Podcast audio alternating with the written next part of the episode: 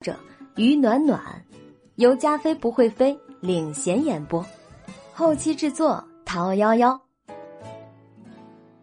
第八十一集。此时，萧九九心绪难平，眼里唯一凝望的只有眼前的这个男人。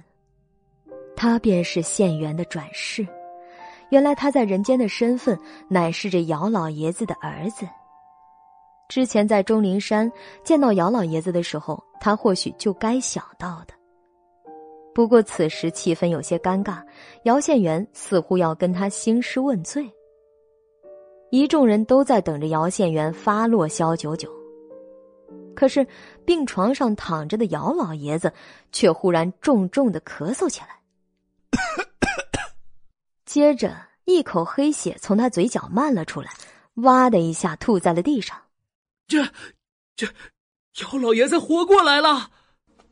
两个男护理看上去比任何人都要惊喜异常，赶紧上去搀扶姚老爷子，给他擦拭嘴角、揉肩按胸，又扶着他坐好。姚老爷子眼睛轻轻睁开，视线慢慢的聚焦在姚县元身上。他唯一的儿子，天性冷如冰，他们夫妻花了二十多年都捂不热。可是谁让他老来得子，仅此一个，于是含在嘴里怕化了。只是每天看着他那张不冷不热的脸，也着实丧气。我没死，只是眼皮子太重，睁不开。刚才这位姑娘给我施针，我全程都是有感觉的，只不过动不了，也叫不出声啊。姚老爷子把头转向萧九九，向他招招手：“姑娘，你过来，你救了我的命，老头子该好好谢谢你。但是老头子老眼昏花的，看不清楚，你能不能过来，让我好好瞧瞧？”萧九九没多说，轻轻的走了过去。那姚老爷子看清了他的脸，神色陡然一变。原来是你，老爷子，您认识他？男护理不解的问道：“不是说碰巧路过吗？怎么老爷子看着好像跟这位姑娘很熟的样子？”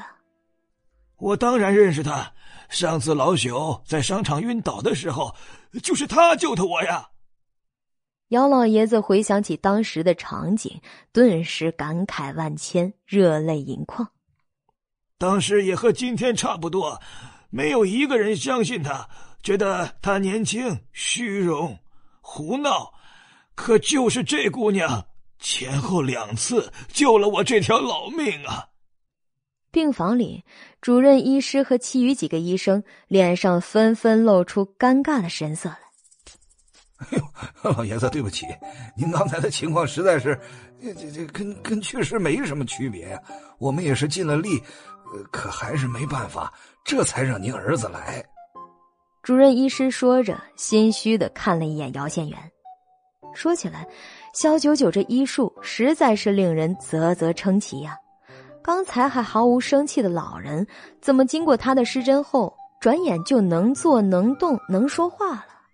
这根本就是医学奇迹呀！没事儿，我人到了这个岁数了，什么思想准备都有。刚才听到你们宣布我死亡，其实我倒是觉得这样挺好的。只不过这人将死之时，总有遗愿未了。我还没有看到我儿子结婚，还没抱上孙子。我若死了，九泉之下也难瞑目啊！老爷子说着，忽的一把拉住了萧九九的手：“姑娘，难为你长得这么漂亮。”年纪轻轻的医术如此出神入化，你是我的救命恩人，我要好好谢谢你。那两个男护理也是跟着一通彩虹屁呀。是啊是啊，我们之前就觉得这姑娘气质非凡，肯定不是普通女孩，没想到您真的就被她治好了，看来您跟她缘分不浅呐。主任医师等人尴尬到了极点，讪讪的说道。呃，对不起啊，小姐，是我们误会了你。不过我们也是在尽医生职责，还希望你原谅。这个时候，连主任医师都不由得对肖九九多看了好几眼，心中那个惊讶感慨呀！自以为是医者仁心，可却对一个没有执照的小姑娘几番打击贬低。谁想到民间卧虎藏龙，这一记巴掌。漂亮的扇在他脸上，也足够他记住一辈子了。肖九九点点头，低垂眼眸，不着痕迹的扫向姚县元。他的眸子里永远淬着忧郁的神情，一如千年前在天庭所见时一般。难不成他还保留着前世的记忆？可又为何在看到他的时候那样无动于衷，那样冷漠疏离？姚老先生，我也是来探望朋友的，碰巧路过，才误打误撞的救了您。其实并非我的医术高超，而是您本身命不该绝。我的银针只是帮你引出了体内的黑气，只要今后你远离邪祟，救急自然可以痊愈的。邪祟，听到这两个字，姚县元眉峰忽的微抬。这时，主治医生等人跟姚老爷子告辞以后，都纷纷走了出去。两个男护理也去食堂为姚老爷子打饭和热水，房间里只剩下肖九九、姚县元和姚老爷子三人。不错，正是邪祟。虽然我不知老爷子从什么途径染上的，但希望今后远离山野偏僻处。姚老爷子愕然的点头。不错，姑娘，老朽前段时间经常会去到钟灵山的月牙泉。但是犬子说了，呃，那泉水对我的身体恢复大有裨益，我也确实是靠它苟延残喘到今天。错了，一般人饮那泉水确实是有益的，但若是在清晨深夜露色最浓的时候，寒意侵袭，身体阳气不足，最容易吸引山间邪祟了。萧九九正色道。上次他见到姚老爷子喝那水，就知道他的儿子只是一知半解。老爷子这样喝下去，身体迟早要出事。他也是算准了这一点，想着哪天找准时机再给老爷子看看病，趁机探一探县员的线索。谁知事情并不都能以他的计划那般进行。姚县员出现的时机跟他事先计划的完全不同，导致他现在也有点被动。一旁姚县元听完他这话，忽的抿唇。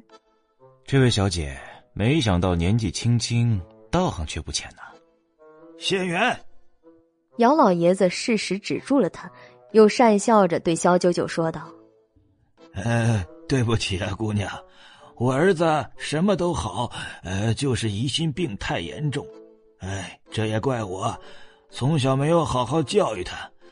哎。”继而，他又转向姚县元道：“你马上打电话给你妈，就说我们要好好感谢救命恩人，让他马上准备一下。”姚县元蹙眉，对肖九九毫不避讳的表明了自己的排斥。感谢他，给他一笔钱就可以了，还要做什么准备？混账不孝子！我看她是个百里挑一的好姑娘。我已经决定了，她就是我们姚家的儿媳。大家好，我是加菲，依然还是第八十二集。姚老爷子带着怒意说出这句话，顿时让病房里如死一般的寂静。姚县元许久才缓缓说道：“你又何必为了一个外人与我置气呢？”这位姑娘，我看着非常欢喜。只要我没死，你的婚事我还是做得了主的。我这就与你妈说。姚老爷子却并不理会他，而是固执己见。饶是萧九九也始料未及，事情会突然发展成这样。县元上神的转世，对自己似乎多有怀疑戒备之心。但他爸姚老爷子却对自己亲眼有加，把他当成准儿媳看待。这对父子都很有脾气和个性，却又都是一样的自说自话。从头到尾并没有问过他的感受如何。肖九九揉了揉太阳穴，事情有点超出他的预料。老爷子，我想您和您儿子都误会了，我前后两次救您只是巧合，对您或者是您儿子并没有任何的企图。至于您说的结婚一事，非同小可，还请您三思。他才刚刚找到县员的转世，还来不及把他的情况摸清，这边突然老爷子竟开始逼婚。虽说他的确是想与县员在凡间恋爱结婚，但更多的是想唤醒他前世记忆。他爱他不假，但更希望他能找回那个属于上神的灵魂。姚县员倏然勾唇，笑得有几分讥诮。在他看来，这样一个女人万分巧合的出现在他父亲身边，前后两次救下他的性命。如果没有任何的目的，只是单纯意外，他实在是无法说服自己相信。这位小姐，我想单独与你谈谈。说着，姚县员拉过肖九九的手，力道很大，不带半点怜香惜玉之情的把他拉到了病房外。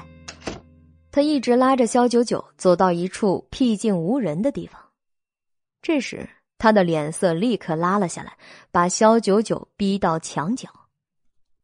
听着，我不想和你浪费时间。我很感谢你救了我的父亲，但是请你以后不要再以任何的方式接近他。你想要多少钱，或是想要什么别的东西，我都可以给你。但是姚家儿媳这个位子绝不是你可以胜任的，就别再痴心妄想了。肖九九一直没有任何反抗，哪怕他手上力道极大，勒得他生疼，他也从头到尾没有喊过一声。直到听见姚县员这样对他讲话，他才知，他拥有的不过是县员的皮囊。这样乖戾、冷血、不近人情、自说自话的性格，跟县元是完全两样的。他是县元，又不是县元，或者说是转世后丢了自我的县元。之前初见时，萧九九的惊艳。悸动，一腔汹涌的情愫，此时逐渐因现实慢慢归于平静。他终于接受了这个现实，必须设法找回县员上神的记忆，否则眼前的男子只是一个令他厌恶的陌生凡人男子而已。萧九九一把推开姚县元，桃花眸半眯着，带着无限的讽刺意味。姚先生。你的自恋和被害妄想症情节可以去找心理医生解决，我就不在这里跟你浪费时间了。至于你提到的让我不要接近你父亲，对不起啊，在那之前你最好先劝他不要接近我为好。说罢，肖九九甩开姚县元，直接头也不回的朝医院外面走去。没想到跟县元转世的初见竟是如此的不愉快。等他走出大门外。却听到身后匆匆的脚步声响起，姚县元竟一直追到外面的马路上。你最好记住自己说过的话，不管你是什么身份，我想查你易如反掌。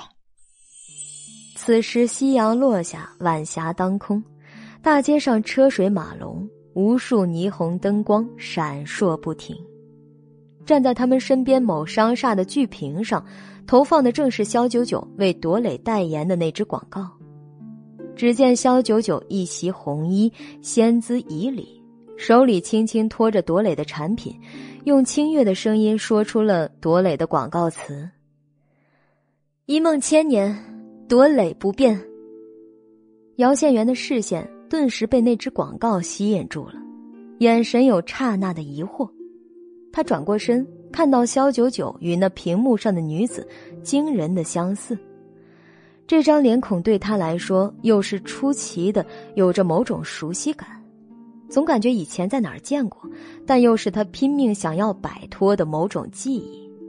他一时也说不清楚，这种熟悉感到底是令他愉悦还是不悦。反倒肖九九将他每个细微的反应都看在眼里。知道他到底是没有县员的记忆的，不然他也不会用如此陌生的眼神打量着自己。姚先生，你也不用费劲查我，那个广告上呢就是我本人。肖九九轻笑一声，坦荡的给他指了条明路。不管是他想威胁恐吓，还是找人监视自己，尽管来便是。他的反应越是强烈，他越觉得有希望。只要他们彼此一直有联系、有牵扯，那么他越是可能尽早的找回真正属于县元的记忆。姚县元惊异于他的直白，但那双黑洞般的眸子却依旧暗淡无光。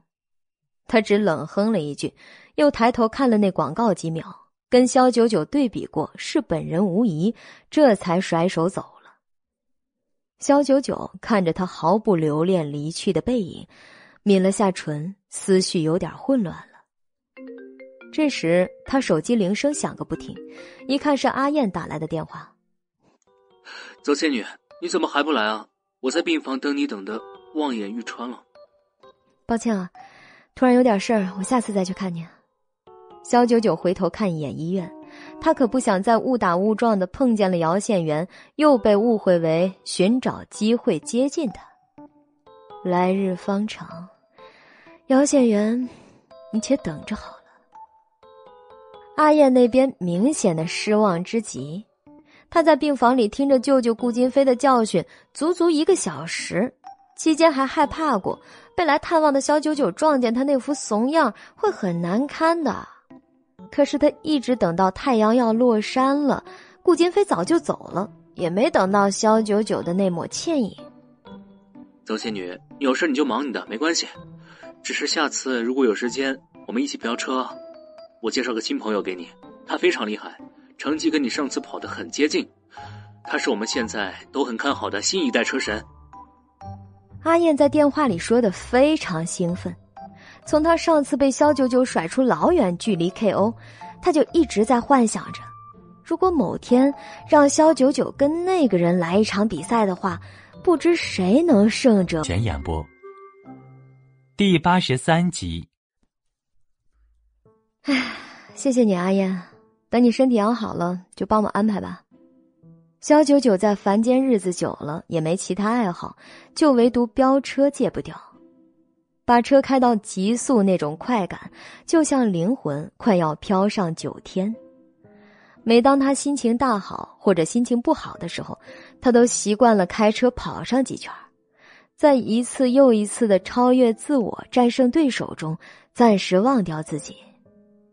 阿燕喜出望外，这还是他和肖九九认识以来第一次听到他如此亲切的叫她的名字。这温柔的语气让她恨不得当场溺死其中。只要邹仙女喜欢，我一定会尽力安排。恋恋不舍的挂断电话后，阿燕马上叫来主治医生。我已经恢复的差不多了，明天就安排我出院。主任医师吓得一愣一愣的。开什么玩笑？你昨天才刚住院，身上的伤没个十天半个月的根本好不了。明天出院，你是想落下终身残疾吧？我说明天就明天出院，你是怕我不交住院费？阿燕扬了扬手里早就开好的票据，我已经提前交好了整一个月的住院费、特别看护费以及升级 VIP 的单人病床费，这钱是你们的，但是我的身体我自己做主，我说出院就出院。那主任医师看着眼前这个脸上肿胀未消，甚至连亲妈都认不出来原来样貌的少年，又好气又好笑。有钱难道就可以为所欲为了？肖九九开车来到山文公司楼下，给钱无义打了个电话，却发现他手机已经是停机状态。他立即给他充了一百块话费，再打过去，听到的却是用户已关机的提示音。肖九九微微蹙眉，这老钱怎么专门在他不爽的时候给他找事儿做呢？这是逼着他去山文要人？肖九九思考了几分钟，还是停了车，朝着山文公司里面走去。保安拦住了他：“对不起，小姐，非本公司员工需要提前预约才可以进入。”肖九九摘下墨镜，露出整张脸，灿然一笑：“ 现在还需要预约吗？”保安看的眼都直了，连连摆手道：“呃，对不起，我眼拙，没有认出是肖小姐您。呃，您有事儿，那当然可以直接进去，不用预约。虽说他平时并不追星，可是公司早在广告拍摄期间就把肖九九的海报放在各个显眼处，这不前台旁边还有一张呢。他看的多了，自然就把肖九九那张脸给牢牢记住了。更何况还是这样的颜值，本身就叫人过目不忘啊。肖九九重新戴上墨镜，直接走向前台。我是来找一位叫钱无义的先生。他下午来这里的人事部报道的。前台妹子在电脑上煞有介事的查询一番，然后道：“的确是有一位钱无义先生下午两点零三分来过，不过在后来的四点十二分就离开了。是他一个人离开，还是和别人一同离开的？”肖九九桃花眸危险的眯起，觉得事情应该没那么简单。钱无意没有独自回家的道理。若是手机没电，联系不上他，回家后也应该马上给他打电话的。这个我就不清楚了。前台妹子耸耸肩，无奈的说道：“肖九九眸色清冷，把你们人事部主管给我叫来。”对不起，现在是主管们的会议时间。前台妹子摊手，肖九九不屑的勾唇。越是这样推诿找借口搪塞，就越证明钱无义的消失是有问题的。他直接走向员工电梯，按了第二十层，那里是总裁办。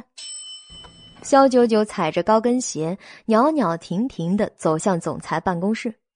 门口的女秘书却没有拦他，好像早就知道他会来。肖小姐，您来了，您是来找总裁？女秘书尽职尽责的问着问题。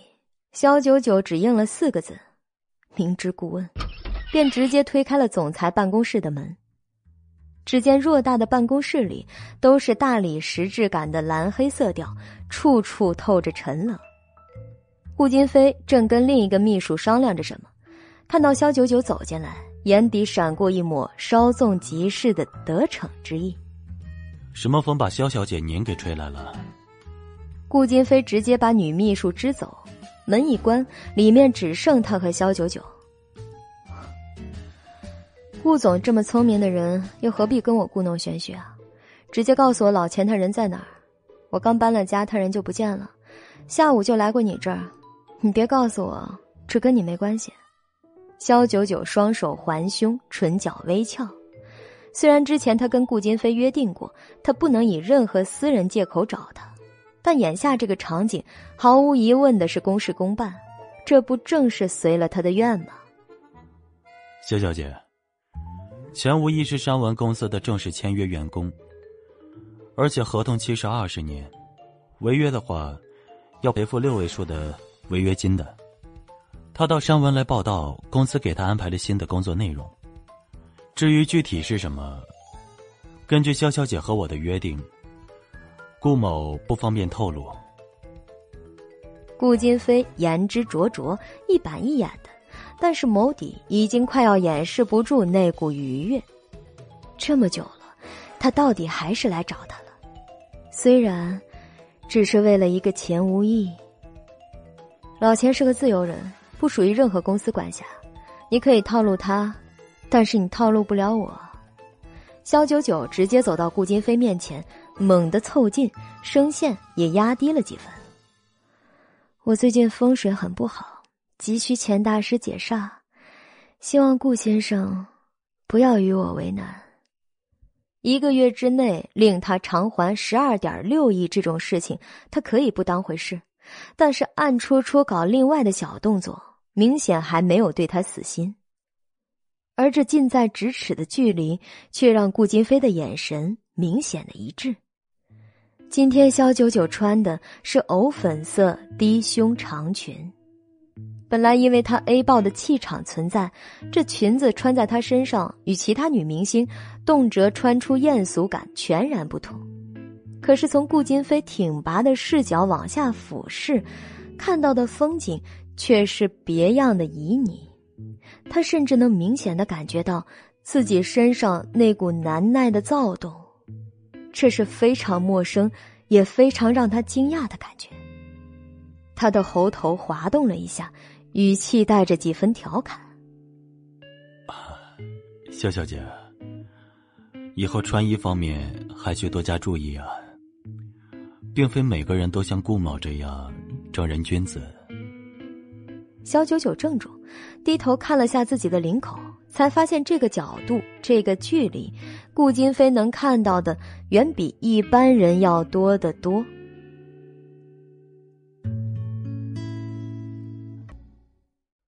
第八十四集，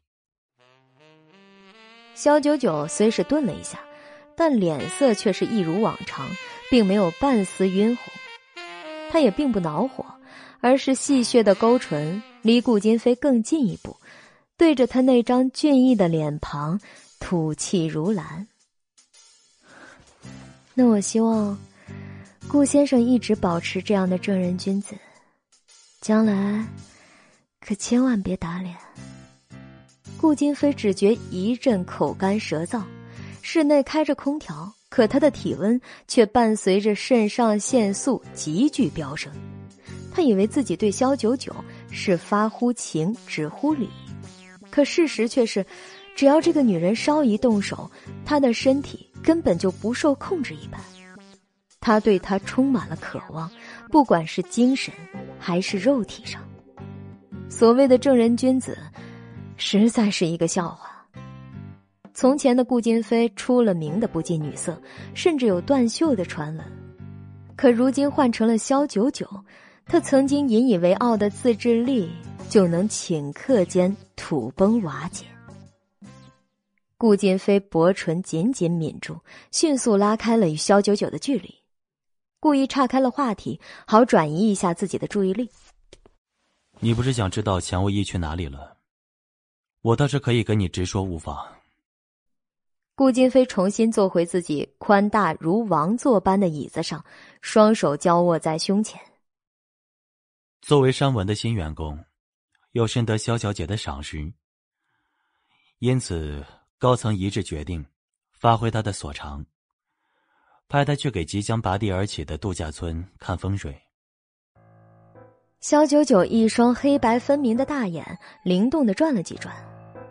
柳城对土地管理极其严格，度假村的选址只能是在偏离市中心的地方。也就是说，他折腾半天搬家到市中心，钱无义却被顾金飞略施小计，就指派到了柳城外围上班。那不知，贵司度假村的地址选在了何地啊？鉴于上面的批文所限。必须在柳州外环以外，而我们刚好在梅里，有一大片待开发的荒地。这是个大工程，派钱无义去，也是对他的信任。面对顾金飞的言之灼灼，肖九九一时竟找不到话来反驳。谁让明面上钱无义只是他捡来的一个算命先生？若是对钱无义有太多的在乎，反而会引起顾金飞这柠檬精的注意才对吧？于是萧九九抿唇一笑，云淡风轻的：“这就是顾先生把他从我手上夺走的原因。你明知道我最近运势不好，身边少不了钱先生的指点。什么正人君子，分明就是趁人之危的大尾巴狼。”肖小姐，我可没有把钱先生。从你那里挖走。相反，之前是我高薪聘用他，作为你的私人风水师。只不过，顾金飞顿了顿，这才话里有话的说道：“鉴于之前我们之间的私人约定，我认为这样的做法违反了肖小姐您对我的要求，所以才不得不紧急做出这个决定。不然你会误以为……”我用钱无意干涉了你的私人自由，你说是不是，谢小姐？他倒是见招拆招，不慌不乱，举止投足都保持着礼貌的距离，甚至之前喊他九九，也已经改回了萧小姐。只是这些表面的变化，其中暗含的细枝末节，却依然难逃萧九九的眼睛。顾先生，最近倒是能言善辩啊。何止是能言善辩呢？他整个人好像都已经放飞自我了，在他面前展现的和在别人面前展现的那是截然不同的两副面孔。顾先生，您又不是塑料袋，为何如此能装啊？萧九九真想为顾金飞叹为观止的表演进步而鼓鼓掌，前后逻辑还衔接的天衣无缝，真不知是提前就布置好了，还是事实偏如此巧合。但顾金飞越是想拿捏他，甚至不惜惹恼他，他越是冷静。钱无义固然重要，但是关键时刻也可以丢卒保车。以老钱和他多年的交情，应该会明白他的一番苦心的。对萧九九的讥诮，顾金飞却轻轻的歪了下头，表示没听明白他的意思。萧九九轻轻摸了摸光洁的额头。果然是极其不顺的一天，遇到的都是些什么牛鬼蛇神呢？顾先生，既然是贵公司高层一致的决定，那就请随意吧。钱无义并不是我私人所属物品，我当然没有权拘束他。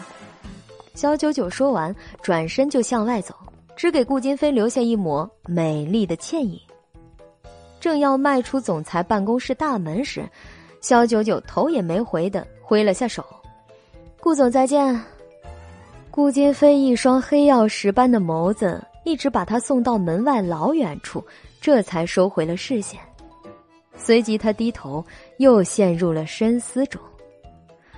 按照狗头军师唐诺所说，这招叫明修栈道，暗度陈仓，以退为进。可是他并不确定。自己真的能让萧九九的情绪受到任何的波动，反而刚才萧九九突然凑近那一瞬，他的心脏跳得贼厉害，生理反应也极其的明显。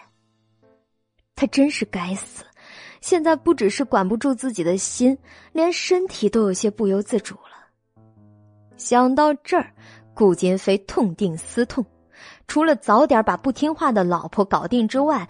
似乎再没有更好的良策了。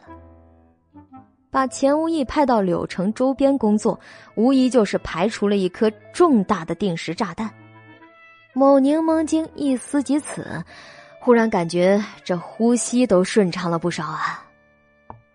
又过了一会儿，文杰斯敲门走了进来，面色有些微妙。先生，您让我去调查的李家燕撞车事件已经有了结果。是本地以飙车为名聚集的流氓团伙，在和阿燕的比赛中发生摩擦，对方便用力撞向阿燕的车，导致他刹车失灵，撞在了护栏上。顾金飞刚才舒展没多久的眉心瞬间拧起，手心也跟着捏拳。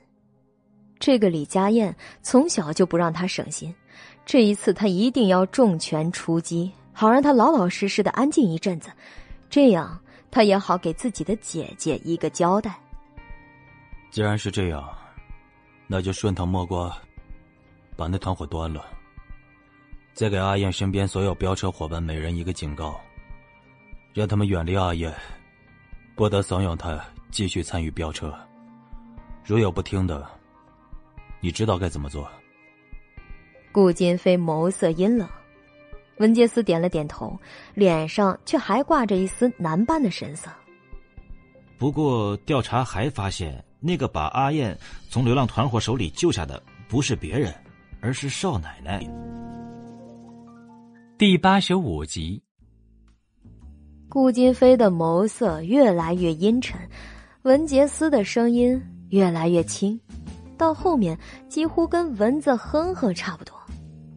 对不起，先生，我也实在是没有想到这件事情竟然和少奶奶扯上关系了。那既然是少奶奶做的，咱就忽略不计吧。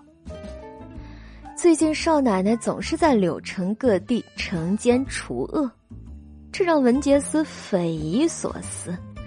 难道明星只是少奶奶的一个副职？他的主业是便衣警察吗？忽略不计。文杰斯，你最近就是这样办事的？嗯？顾金飞显然不认为文杰斯的处理方法是个良策。文杰斯战战兢兢的，同时脑子开始高速运转，如何才能说出个让他家先生满意的答案？这少奶奶警告不行，不警告也不行。那我派人盯着少奶奶，不准她再和阿燕少爷接触。嗯，虽然自己的老婆跟自己的外甥走得近，按情理来说那就是亲戚。可以他家先生的立场来看呢，这老婆尚未稳固，外甥就来凑热闹，这可是大大的不妙啊！不，既然已经答应了他，不再干涉他的自由，那就言而有信。顾金飞想也不想，当即拒绝了文杰斯的提议。文杰斯的眼底猛抽了几下：“先生，您干涉少奶奶的自由还少吗？”“好的，那……”文杰斯脑子都快想到短路了，也不知该如何才算稳妥处理。少奶奶打也打不得，骂也骂不得，监视不得，放置不得。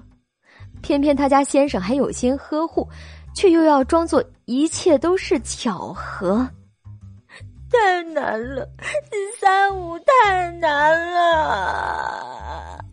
文杰斯只想安安静静的当场去世一会儿。阿言太闲了，给他找点事做。实在不行，找些女孩给他。顾金飞面无表情的说着，好像阿燕跟自己是完全不相干的一个外人。文杰斯差点竖起大拇指，先生在少奶奶面前简直可称作是六亲不认。为了不让阿燕跟萧九九多接触，直接塞些女孩给他。这波神级操作，差点亮瞎了他的狗眼啊！萧九九回到家去，发现钱无义果真不在家里，自己一个人守着偌大的房子，倒是有些不适应了。好在没过多久，钱无义忽然给他打了电话过来：“小爷，救命啊！我被人劫持到一个鸟不拉屎的地方，他们说让我给他们看风水。”钱无义到了地方，第一件事就是赶紧给手机充电，然后伺机给肖九九报告情况。他相信肖爷肯定会第一时间前来营救他。然而，电话那头的肖九九却出乎意料的冷静。老钱呐，你的事儿我都知道了。顾金飞他明摆着要把你从我身边支开，我若护短呢，反而惹他怀疑。这样吧。你就安安心心的待在那儿，休息日再回来。有事我会找你的。呼，钱无义瞬间崩溃，什么？连萧爷都不管不顾了？这是过河拆桥、卸磨杀驴、丢卒保车。但他只敢在心里腹诽，嘴上却是一个字儿都不敢说不啊。他只能悻悻然的，一边听着肖九九在电话那头嗑瓜子儿，一边哀怨的应道：“小爷，你可别忘了，隔三差五得了空闲就来看看我。”其实肖九九心里还是不舒服的，没钱无义的日子，他不适应了数个小时啊，随后躺在床上，沉沉的睡着了。唉。还做了个美梦。山文公司的广告攻势很快在整个柳城，甚至周边好几个县市一同展开，全市的广告牌几乎都被他们给承包了。只要生活在柳城，除非是足不出户，出了门就必定能看到肖九九代言的那支广告。一时间，肖九九因土豪金主的夸张营销方式又被送上热搜。这倒是让妙姐开开心心了好久，逢人就夸肖九九是他带过最有潜力的潜力股啦。这一天，肖九九接了数个通告，结束以后，好不容易回家想躲个清静，结果手机游戏刚打得如火如荼，就被电话无情的给打断了。屏幕上跳出“肖北望”三个字，令他情不自禁的翻了个白眼儿。九九，你好久没回家了。今天阿元期中考试成绩进步了二十多名，你快回来，我们一家人呢，好好的庆祝一下。我们一家人是吗？那柳姨和萧琴琴不在，才能叫一家人呢？萧九九丝毫不遮掩对柳如梅和萧琴琴的排斥，这让电话那头的萧北望不悦的皱了下眉头，但他很快又巧妙的把这股不愉快压了下去。好了好了，你先回来再说吧，我和你弟都在等你。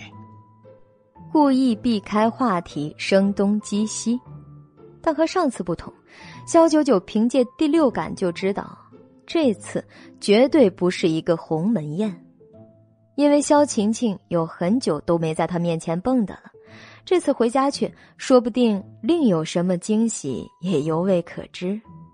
加上萧元难得会被萧北望叫回家，还说要给他庆祝成绩。萧北望这个早就忘记父亲义务的人，这会儿却是记起了自己的身份。别的不说，萧元肯定会为这久违的父爱感动到猛男落泪的。想了想，心里有了点小期待，萧九九这才点了点头。当晚，萧九九梳洗打扮了一番，挑了一件白色樱桃图案的裙子，配上一个哪吒丸子头，看着镜子中的自己，出门说是高中生也不会让人怀疑。萧九九桃花眸眯成了半月形，又转了个圈很满意今天这波装嫩。萧家，萧九九一眼就看到有个大男生正靠在门边吹着口哨在等他。姐，你回来了！一看到他开着车过来，萧元兴奋的跑上前来，化身忠犬要给他开车门。可是，一打量这车，他又咂舌：“姐，你怎么开着赛车上马路啊？不怕交警抓你啊？话说，这车是谁的？也太酷了吧！”出于男生本能般对车的欣赏，萧元围绕车身转了一圈被这金色烈焰纹的车身纹饰给牢牢的摄住了目光。抓就抓了，谁怕呀？反正这车也不是我的，扣车我也不带怕的呀。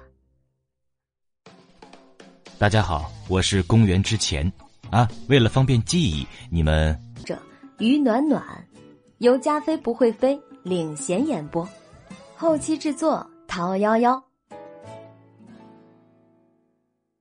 第八十六集，萧九九邪似的勾唇，痞气十足，看得萧元心里毛毛的，又莫名的被吸引。这还是他那个老姐吗？他姐可从来没有过这种天生老子来了都不怕的架势。姐，你现在真的超酷，就好像……萧元眼珠子转了好几圈，搜肠刮肚的组织了好久的词汇，才说道。就好像生死看淡，不服就干。嗯，老弟啊，你这都是什么虎狼之词啊？姐，先进去吧，爸在等你呢。萧元笑眯眯的，忽然上前一把搂住了萧九九的肩膀。萧九九顿了一下，夜色里唇角不自觉的上扬。萧元上次像这样亲近自己的姐姐，还是原主上初中的时候。现在他能如此毫无芥蒂的搂住她的肩膀，就代表他曾经关闭的心门已经彻底对他打开了。联想到上一次萧九九回萧家的时候，萧元还在各种抱萧琴琴的大腿，不过一个月的时间，自家老弟渐行渐远的心就完全被换了回来。现在对他这个姐姐是各种佩服尊敬。两人走进萧家偌大的客厅，只见萧北望张罗了一桌子的好菜，看到萧九九来了，忙不迭的朝他挥手：“九九来了，哎，赶快坐，趁热吃饭。”那慈祥又生动的笑容，像极了宠爱女儿多年的老父亲。要不是萧九九早就见识过萧北望的真实面目，说不定还真的会被他感动一把。不过萧九九也没说什么，只是落落大方的走了过去，按照萧北望所指的位子坐下。随后，萧远也坐了下来。三人这样同席，还是史无前例的第一次。呃，今天我刚刚知道，阿元在期中考试里进步了整二十名啊！教导主任呢，还专门打电话给我，让我多上心栽培，说阿元是个好苗子。以这样的进步速度啊，呃，即使考不上柳大，也能搏一搏 H 大呀。柳城两所最好的大学，除了柳大之外，就属 H 大牌子最响了。虽然柳大是全球顶尖学府，而 H 大的影响力要稍逊一筹，但能考上的学生也同样能光耀门楣。前不久还是个学渣的萧元，能取得如此的好成绩，且教导主任都亲自肯定了他的潜力，这让萧北望顿觉无限光彩。前不久还是个学渣的萧元，本来早就是他的一颗弃子了，如今这颗不抱希望，甚至当做累赘一样的弃子，竟给他带来如此的荣耀，他对萧元的态度也立即发生了三百六十度的大转弯。除了把萧元召回来吃饭笼络，当然他也没忘了萧九九。这些天山文公司铺天盖地的广告攻势，他自然也是亲眼目睹的。在公司里，许多人都夸他好福气，女儿天生丽质，卓而不凡，以后必定成为大明星。萧北望在众人一顿海夸之下，也有些飘飘然起来。前妻遗留的两个子女。突然变成了他将来仰仗的对象，他几乎没多想，就马上张罗了今晚这场特别的家宴。其实我这次能考好，还要多亏了我姐。要不是她在我考试前专门去看我，给我送盒饭，为我加油打气，我也不能这样超常发挥。萧元把功劳全部归在了萧九九的身上，看着他的眼神中也是万分的崇拜。他这个姐姐的形象算是彻底立起来了，而且高大的无人能及。哈哈哈！你们姐弟俩呀，从小就是感情最好，以后也要相互扶持。等阿元考上 H 大，九九也差不多是个大明星了。将来你们两个出息了，萧家的公司还要靠你们来接手啊！萧九九和萧元暗戳戳的互换了一个眼神，彼此都有些意外。萧北望对萧家的公司就跟防贼一样，这么多年从不松口，更别提什么继承人的事情了。虽然按理说呢，作为他唯一的儿子，萧元应该是百分百有资格继承的，可是此前只要有人稍微提到这事儿，就像触到了他的逆鳞，让他暴跳如雷。就那个混账逆子，没出息的东西，我的公司交给他，那不是毁于一旦吗？萧北望不止一次的重申。今后公司绝对不会交给萧远，等他高中毕业，不管考没考上大学，都必须自谋生路，跟他再无瓜葛。从前生怕萧元对公司有想法，现在却主动的把公司作为诱饵一般抛在他们的面前，这前后对比实在太过强烈，令人叹为观止啊！萧元挠了挠头，又看看萧九九的眼色。发现萧九九慢条斯理的夹了一筷子菜往嘴巴送去，没有发表意见的打算，他也就沉默着，不敢轻举妄动。萧北望以为他们不相信自己说的话，便皱了眉头，想着如何浓墨重彩的描述一张大饼给姐弟二人，让他们今后能死心塌地的为他所用。就在这个时候，一直不见踪影的柳如梅忽然不知从哪儿走了出来。经过饭桌时，低低的说了句：“上一次你也这样对晴晴说，难道萧家的公司是块大饼，要给他们三人分？”这句酸溜溜的话，顿时让萧北望脸色黑如锅底。一直谄媚讨好的、没有任何忤逆之举的柳如梅，居然在他器重的萧九九姐弟耳边乱嚼舌根子，这不是诚心要破坏他们的感情吗？你在胡言乱语些什么？我什么时候说过那样的话？你看看萧晴晴那个样子，我怎么可能把公司给她呢？她现在跟我姓萧，以前的可是一直姓张呢。我萧北望再糊涂，也不会把公司交到一个外人的手里。萧北望自觉颜面扫地，恨不得狠狠一巴掌打在柳如梅的脸上，叫她滚蛋才好。这一番不留余地的狠话，让柳如梅大感伤心和失望啊。他们母女二人在萧家苦心经营多年，战战兢兢，如履薄冰，好不容易才盼到把前妻所生的碍眼的姐弟俩赶出家门的那一天。可是谁知道，萧晴晴一招不慎，满盘皆输。如今皮肤病非但没好，还变本加厉，成天大门不出二门不迈的。学业、事业、爱情、前途，皆是一片黑暗。萧北望便很快对他们母女二人弃之如敝履，如今又在萧九九和萧元面前不惜狠狠重创他的心灵。柳如梅顷刻间泪如泉涌，索性哭闹起来。好啊，既然你这样说，那我也是一个外人，这辈子没能为你生个一儿半女的，也没有你跟前妻那么深厚的情分，你干脆把我们母女二人都赶出去算了。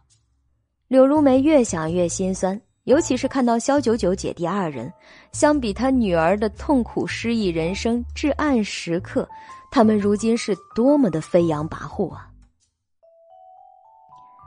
本集已播讲完毕，我是加菲。这部剧的推荐指数是五颗星，如果大家喜欢的话，一定要订阅专辑。给第八十七集。萧北望对他们有多偏爱，对自己和萧晴晴就有多无情。够了，闭嘴！你看你还有没有点做母亲的样子？萧北望盛怒，只想赶快把柳如梅这个碍眼的女人拖下去。来人，把这疯女人拉到房间里面关起来！没有我的允许，绝对不能放她出来。一旁的佣人们面面相觑的互相看着，神色很是为难。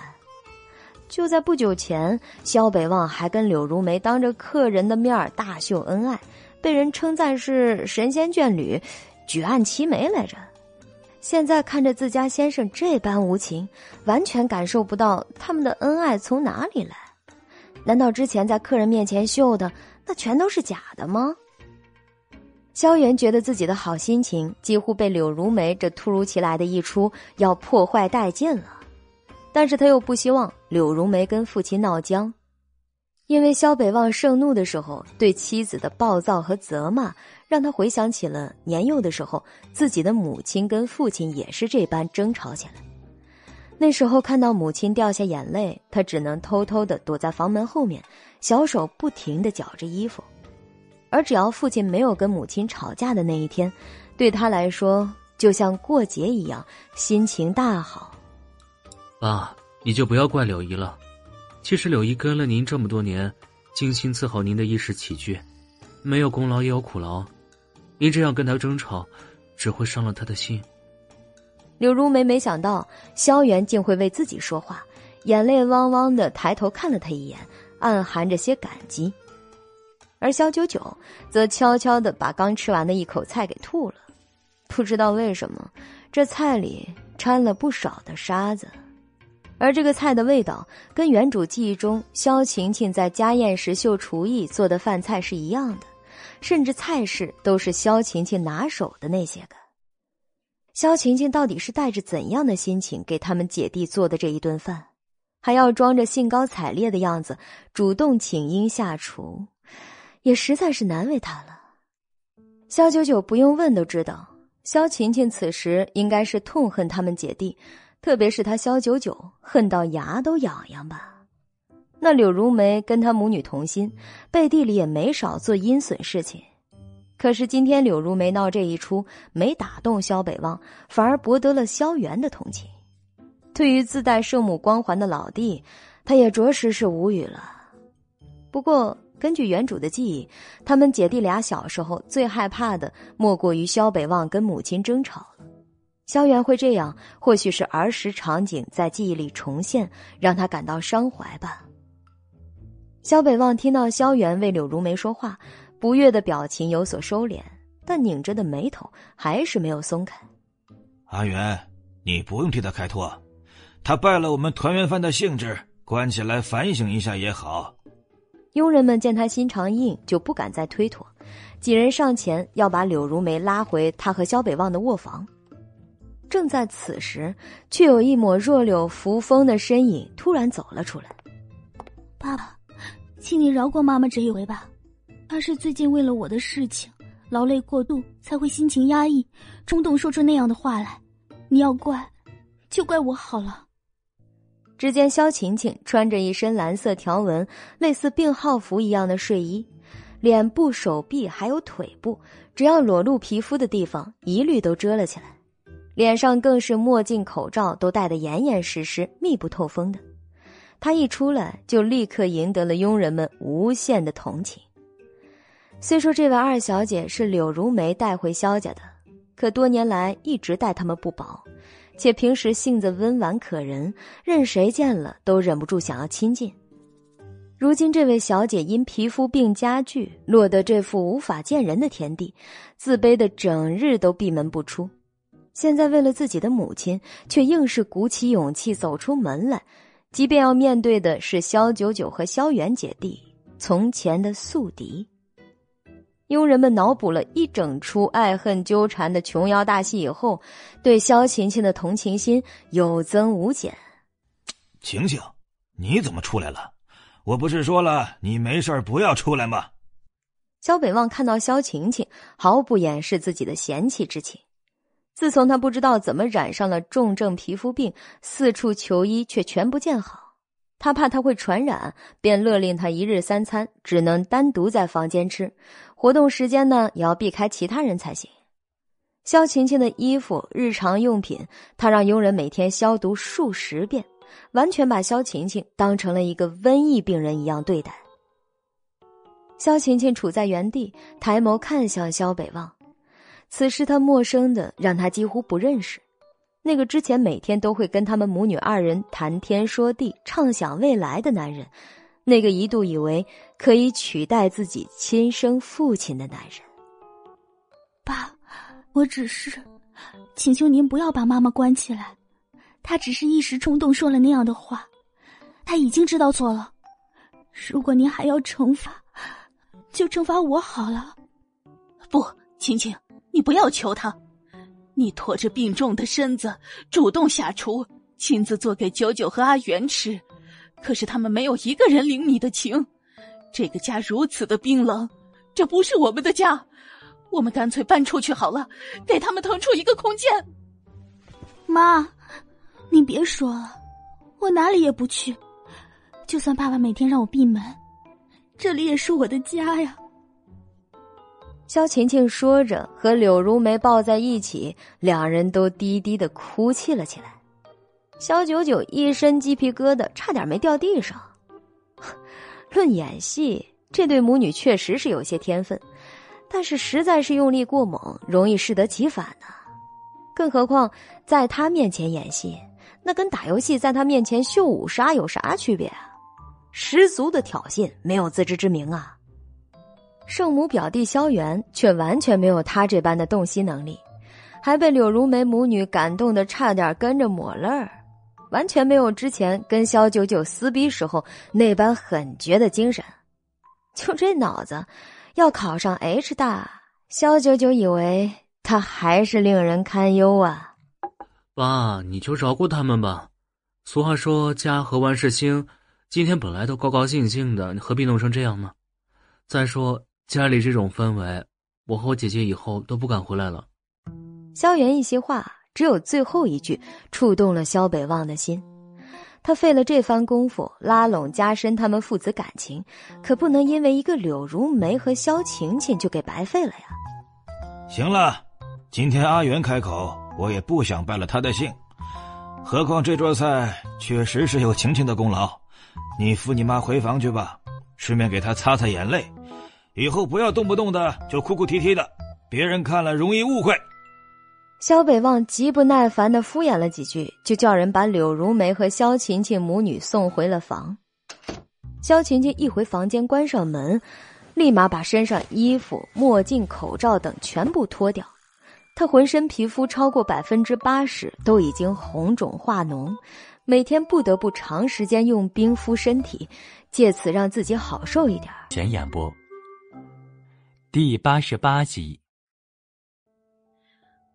看着萧晴晴难受至极的模样，柳如梅不忍的拿了冰袋给她全身各处贴上，又不解的问道：“你刚才为什么要冲出来？身上打扮成这副样子，给萧九九那个贱人看到，岂不是让他幸灾乐祸？”我要是不出来，谁知道你口无遮拦的还要说些什么？萧琴琴一边咬着牙忍受伤口的疼痛，一边回道：“父亲一向霸道。”在家里，他就是天，你当着肖九九他们的面让他下不来台，能有什么好果子吃呢？我那不是看他实在太过分，竟然说要把公司给那姐弟俩继承，这不是把我们完全排除在外了吗？就肖九九那个贱人，这么多年为肖家做过什么？除了在外不断闯祸、制造丑闻，往肖北旺脸上抹黑，他还有什么本事能配继承公司？更何况小北望早就答应过的，等你和薄一舟结婚，他退下来后就把公司交给你们。现在说变就变了，我是气不过，想提醒他一下而已。柳如梅说的胸口急剧起伏不停，激动的声音也越来越大。萧琴琴给他使了个眼色，示意他小点声，当心隔墙有耳。妈，此一时彼一时，谁也不知道萧九九用了什么邪水，让尚文公司放弃签约了好几年的大明星韩艺真不用，竟然签了他，而且还砸重金宣传，加上萧元学习也有了起色，他们两个在父亲眼里顿时就成了香饽饽。他亲近他们也是很正常的事。至于萧家的公司将来会到谁的手里，那可不一定。我们现在落于下风，必须要夹着尾巴做人。不管萧九九他们有多得意，都不能因冲动坏了大事。柳如梅低头叹了口气：“唉，道理我都懂，可是我就是看不惯你，竟被那个萧九九比下去。而且我们上次明明抢了他的药方，一模一样的药抓来吃。”偏偏对你不仅没用，还变本加厉，导致你现在被萧北望连多看一眼都嫌弃。凭什么？凭什么他的运气能那么好，连上天都要帮他？萧琴琴的眼神里也闪过几许难以理解。最近的几个月，几次跟萧九九的交锋，他几乎没有占到过上风。从前那个每天犯蠢还不自知的萧九九，就好像换了一个人一样。思维敏捷到不可思议啊！他到底是怎么做到的？妈，你也别太生气了。我最近刚得知一个惊人的内幕，是我同学从他爸那里得到的内幕消息。我听说，肖九九在山文拍摄广告期间，很受他们的顾总重视，甚至放下工作亲自到片场照顾他。在庆功宴的时候，肖九九喝醉了，他还亲自送他回家。直接绕过了经纪人，从宴席上走的人。柳如梅一听，神色微微一凝，狐疑的看着萧晴晴：“你的意思不会是说，萧九九跟那个顾总有什么不正当的关系吧？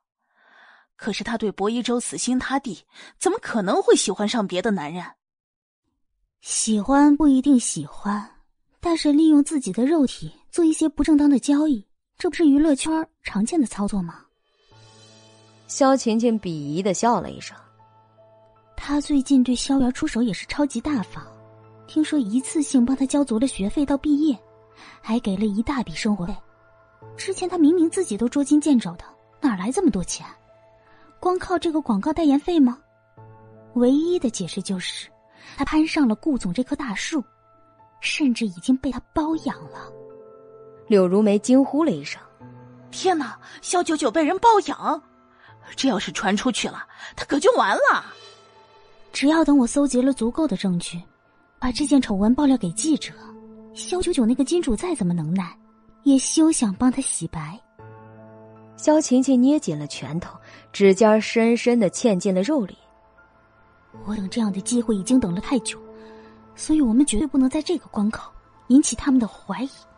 必须夹着尾巴，哪怕被萧九九嘲笑侮辱，也绝对不能节外生枝。柳如梅不停的点头，脸色异常严肃。晴晴，还是你想的长远周到，这次是我这个当妈的冲动了，差点拖了你的后腿。肖九九害我染上这皮肤病，他死不足惜，光是把他名声搞臭，让他永世不能翻身，已经不便宜他了。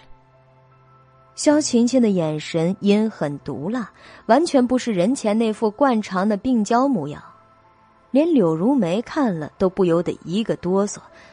还好这是他的亲生女儿啊！如果自己惹上这样有心机的女人，他都没有自信能在电视剧里活过三集。外面厅里，自柳如梅母女回屋后，饭桌上恢复了一片宁静，但气氛也变得非常的尴尬。萧北望不停的给萧元和萧九九夹菜，让他们多吃点萧九九直接放下筷子，嘴唇一抿，算了，这菜味道我吃不惯，回头吃点夜宵好了。他话里有话，萧北望也不是听不出来。萧晴晴做的饭菜，他的确一直都不太爱吃，可是萧元却是喜欢的很呐。所以考虑再三，加上萧晴晴不停的请求。为了饭菜味道好，他才同意了让萧晴晴来做这一桌家宴。可是萧元也不知道心里在想些什么，起初吃的很香，现在也不太动筷子了。寥寥几口之后，便说自己吃饱了。然而这桌上丰盛的几乎都没动过。饭毕，萧北望想留萧元和萧九九在家里住，可是却被萧九九断然拒绝了。您可别忘了，您当初是怎么说的？要把我和阿元赶出去，还要和我们断绝关系来着。萧九九的笑容带着三分讥诮。旧事重提，不是他记性太好，而是萧北望确实做的太过令他看不下去了。我怕我和阿元回家里住，什么时候一个不小心惹恼了您，分分钟就要被扫地出门，那岂不是尴尬？萧北望一怔。这话是他当着众人面亲口说的，打脸也就不到一个月时间吧。这一记耳光实在是太过响亮，到现在他的耳边还是嗡嗡响的。九九，你也不要这样和爸爸置气嘛！我那还不是被你给气的呀！再怎么说，我也是你爸爸呀！而且说是要断绝关系，实际上也没断，不是吗？哼你还当了真了。萧北望脸上堆着笑，褶子都挤出来了。这波强行解释，让肖九九自个儿都替他感到尴尬。他可不就是当真了吗？萧北望是什么样的人？这么多年怎么待他们的？他心里还能没个差数吗？萧元却好像急于离开，拉着萧九九就给萧北望道别。好了吧，我要先回学校去了，晚了就门禁了。姐她一个人不安全，我还要送她一程。萧北望伸手想挽留，但只在萧元肩头搭了一下，还是松开了。这俗话说“心急吃不了热豆腐”，这个道理他还是懂的。前演播第八十九集。于是萧北望像个慈父一样，亲自把姐弟俩送出门。路上小心啊！你们到了，记得要给我打电话。萧九九头也没回的走了，只留下一阵栀子花香水味在晚风中飘散。萧九九发动了车子，肖元却跳上了副驾驶位。姐，我不想回学校，你带我四处兜兜风吧。你不是说快到门禁时间了吗？现在不回去，你就不怕学校给你警告处分？柳城一中对于寄宿生的管理向来很严格。学生晚上十点以后不回学校的，就会受到警告处分；三次以上晚归的，就直接约谈家长，并进行记过处分。哎呀，怕什么？最近负责查寝的老师忙着谈恋爱，晚上根本没空统计这些。再说，我安安分分的在学校待了这么久了，不会有人怀疑到我头上的。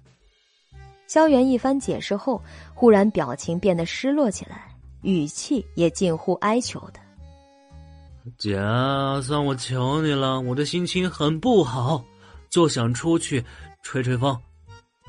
萧九九沉默了一会儿，便道：“安全带系好了。”萧元啊的一声，还没反应过来，忽然嗖的一下，赛车如离弦之箭一般冲到了马路上。他的魂儿似乎还留在原地，肉体已经被带到了数百米以外。萧元反应过来以后，一开始还小心的给建议：“姐，你是不是超速了？在城市道路上可以这么开车吗？你不怕开快车被……哎，算了，你本来就什么都不怕。”到最后，他的声音只剩下哀求：“老姐，金姐，我求你了，你开慢点啊！我要吐了。”萧九九降下速度，他才捂着肚子，脸色苍白的呼了一口气。就这点出息，还跟人家学夜不归宿呢？肖九九轻嗤一声：“你还要不要吹风了？如果没吹够，我带你去个好地方接着吹啊！”萧元立刻疯狂的摇头：“不了不了，还是不吹了。我突然怀念我们那个密不透风的寝室。”在寝室里，他顶多感到压抑；可是，在萧九九的车上，他可能会有生命危险呢。萧九九的速度终于降到了正常，他斜睨一眼旁边的萧元，车上矿泉水也有纸巾和塑料袋。我唯一的要求呢，就是别吐在我车上。姐，你够狠。那是自然，不狠怎么能做你姐啊？肖九九基本上已经摸透了他这个弟弟的脾气，自然也有了办法能精准拿捏到他的命脉。萧元沉默了一会儿，便哈哈大笑起来，笑着笑着，眼泪都要落下来。不愧是我姐，你要早这么狠，我也不至于当苏特乌龟这么多年了。跟过去那个作天作地恋爱脑的肖九九相比，他真是爱死了现在这个既强又刚、既美又仙的姐姐。有这么一个强大的姐姐罩着，感觉真的是好极了。可能唯一的副作用就是在她面前自己百分百没得装。萧元的鼻子忽的一酸，声音也变得涩哑起来。今天不知怎么的。我突然想咱妈了，虽然她去世的时候我还很小，记得最清楚的，就是在病床前，看着她嘴里插着氧气管，那时候不懂事儿，还以为是那玩意儿阻碍了她呼吸，踮脚，努力想帮她拔了。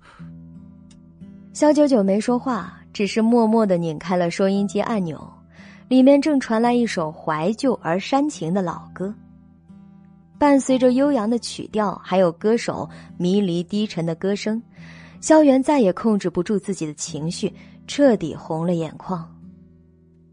小时候，爸妈每次一吵架，我就躲在后面看着，也不敢上去劝。那个时候，你从学校回来了，也和我一样害怕，但是，但是你总会抱着我，我们，我们一起偷看。一起发抖。萧元的思绪完全陷入了过去的记忆里，家和亲人对他来说，拥有的幸福不过是短暂的数个瞬间。突然，萧元侧过脸，嗓子哑哑的：“姐，你会不会看不起我？觉得我这个弟弟很没用，不像个男人？”肖九九没回答。几分钟后，他在路边停下车。一直到熄火，才看着他的脸，认真的回应道：“阿元，做个男人并不一定意味着逞强好斗，真正的男人都是在有了心爱的人以后，懂得责任和担当的。”萧元眼里的光伴随着路灯时明时暗。对萧九九的话，他似懂非懂，可却还是一字不差的记在了心上。时间不早了，我送你回学校吧。我可不想明天你们教导主任打电话给爸，请他去办公室喝茶。肖九九戏谑的说了句，就要重新发动车子，可是前方却忽然传来一阵哭爹喊娘的惨叫声，好像有人在打架。本来这段路已经很偏僻，又是深夜时间，因此路上鲜有行人和车辆。肖九九不想管闲事儿，惹不必要的麻烦上身，因此只是朝那边淡淡的看了一眼，就准备走人。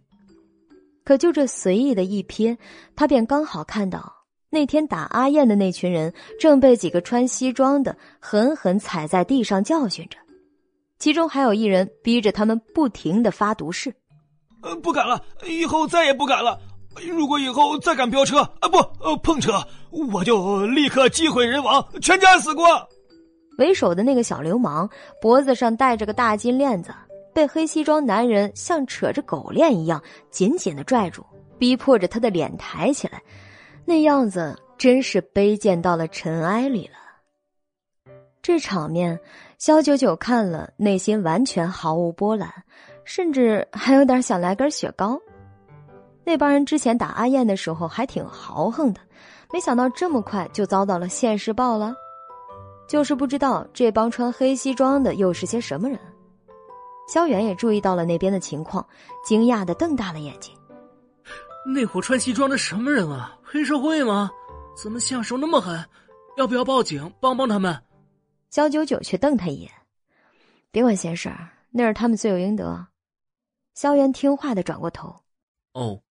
等肖九九把车发动了，往柳城二中方向开去，他这才反应过来，好像有哪里不对。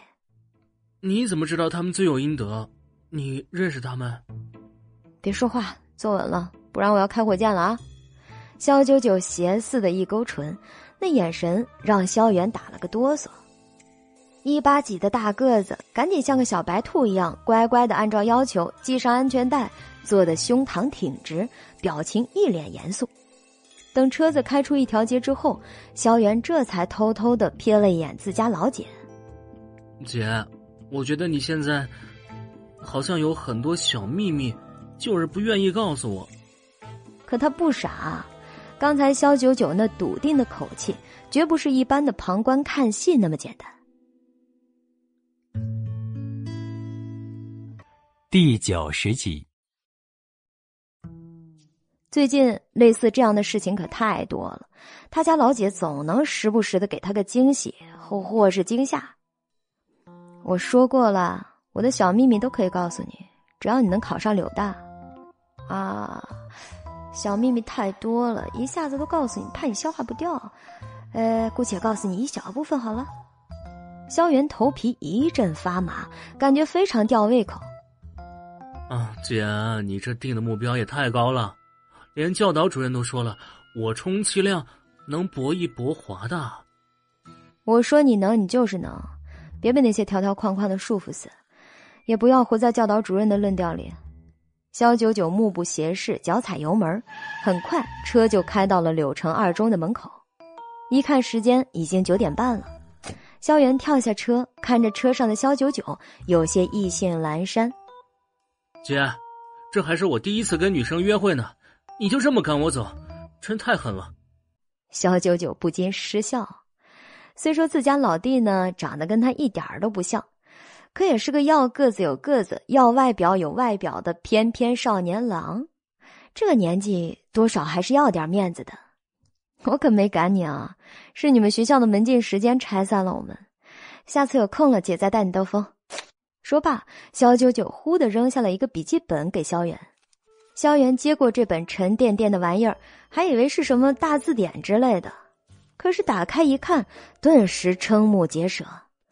只见这本书上竟然密密麻麻的写的都是高中各科复习的知识要点、应试技巧等等，有很多深入浅出的东西，即便是他这样基础较差的也能看得进去，而不像老师上课教的那样让他听得云里雾里的。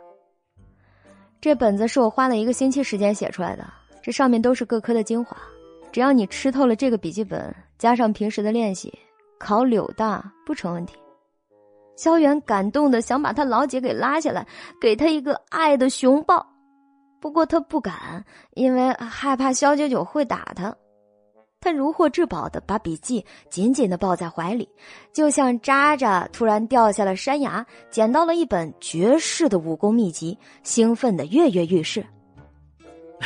我回去一定会把这本笔记本刷上一二十遍。就在他兴奋的跟肖九九挥手道别，边倒退着往校门口边走去的时候，他突然脑子一个机灵，想起了一个致命问题。他老姐当年在学校虽称不上学渣，但成绩也是着实一般呐。他哪儿来的本事，能在毕业这么多年以后，还有这般记忆力，能写出这样的秘籍来？萧元有点风中凌乱了。姐，我再问你最后一个问题。这笔记靠谱吗？不靠谱，你还我，我拿去整理一下，出版了，分分钟畅销全国，高中生人手一本，你信不信？小九九白了他一眼，这几百年间他可不是白活的，有好几世原主都是全科的学霸，光是吸收了他们的记忆，萧九九几乎都能把各科教辅材料倒背如流。不还，萧元跟小孩子护着心爱玩具一样，别过身子，又嘿嘿的笑了起来。哎呀，我只是跟你开个玩笑。我姐那么强，当然不可能骗我，我什么都信你的。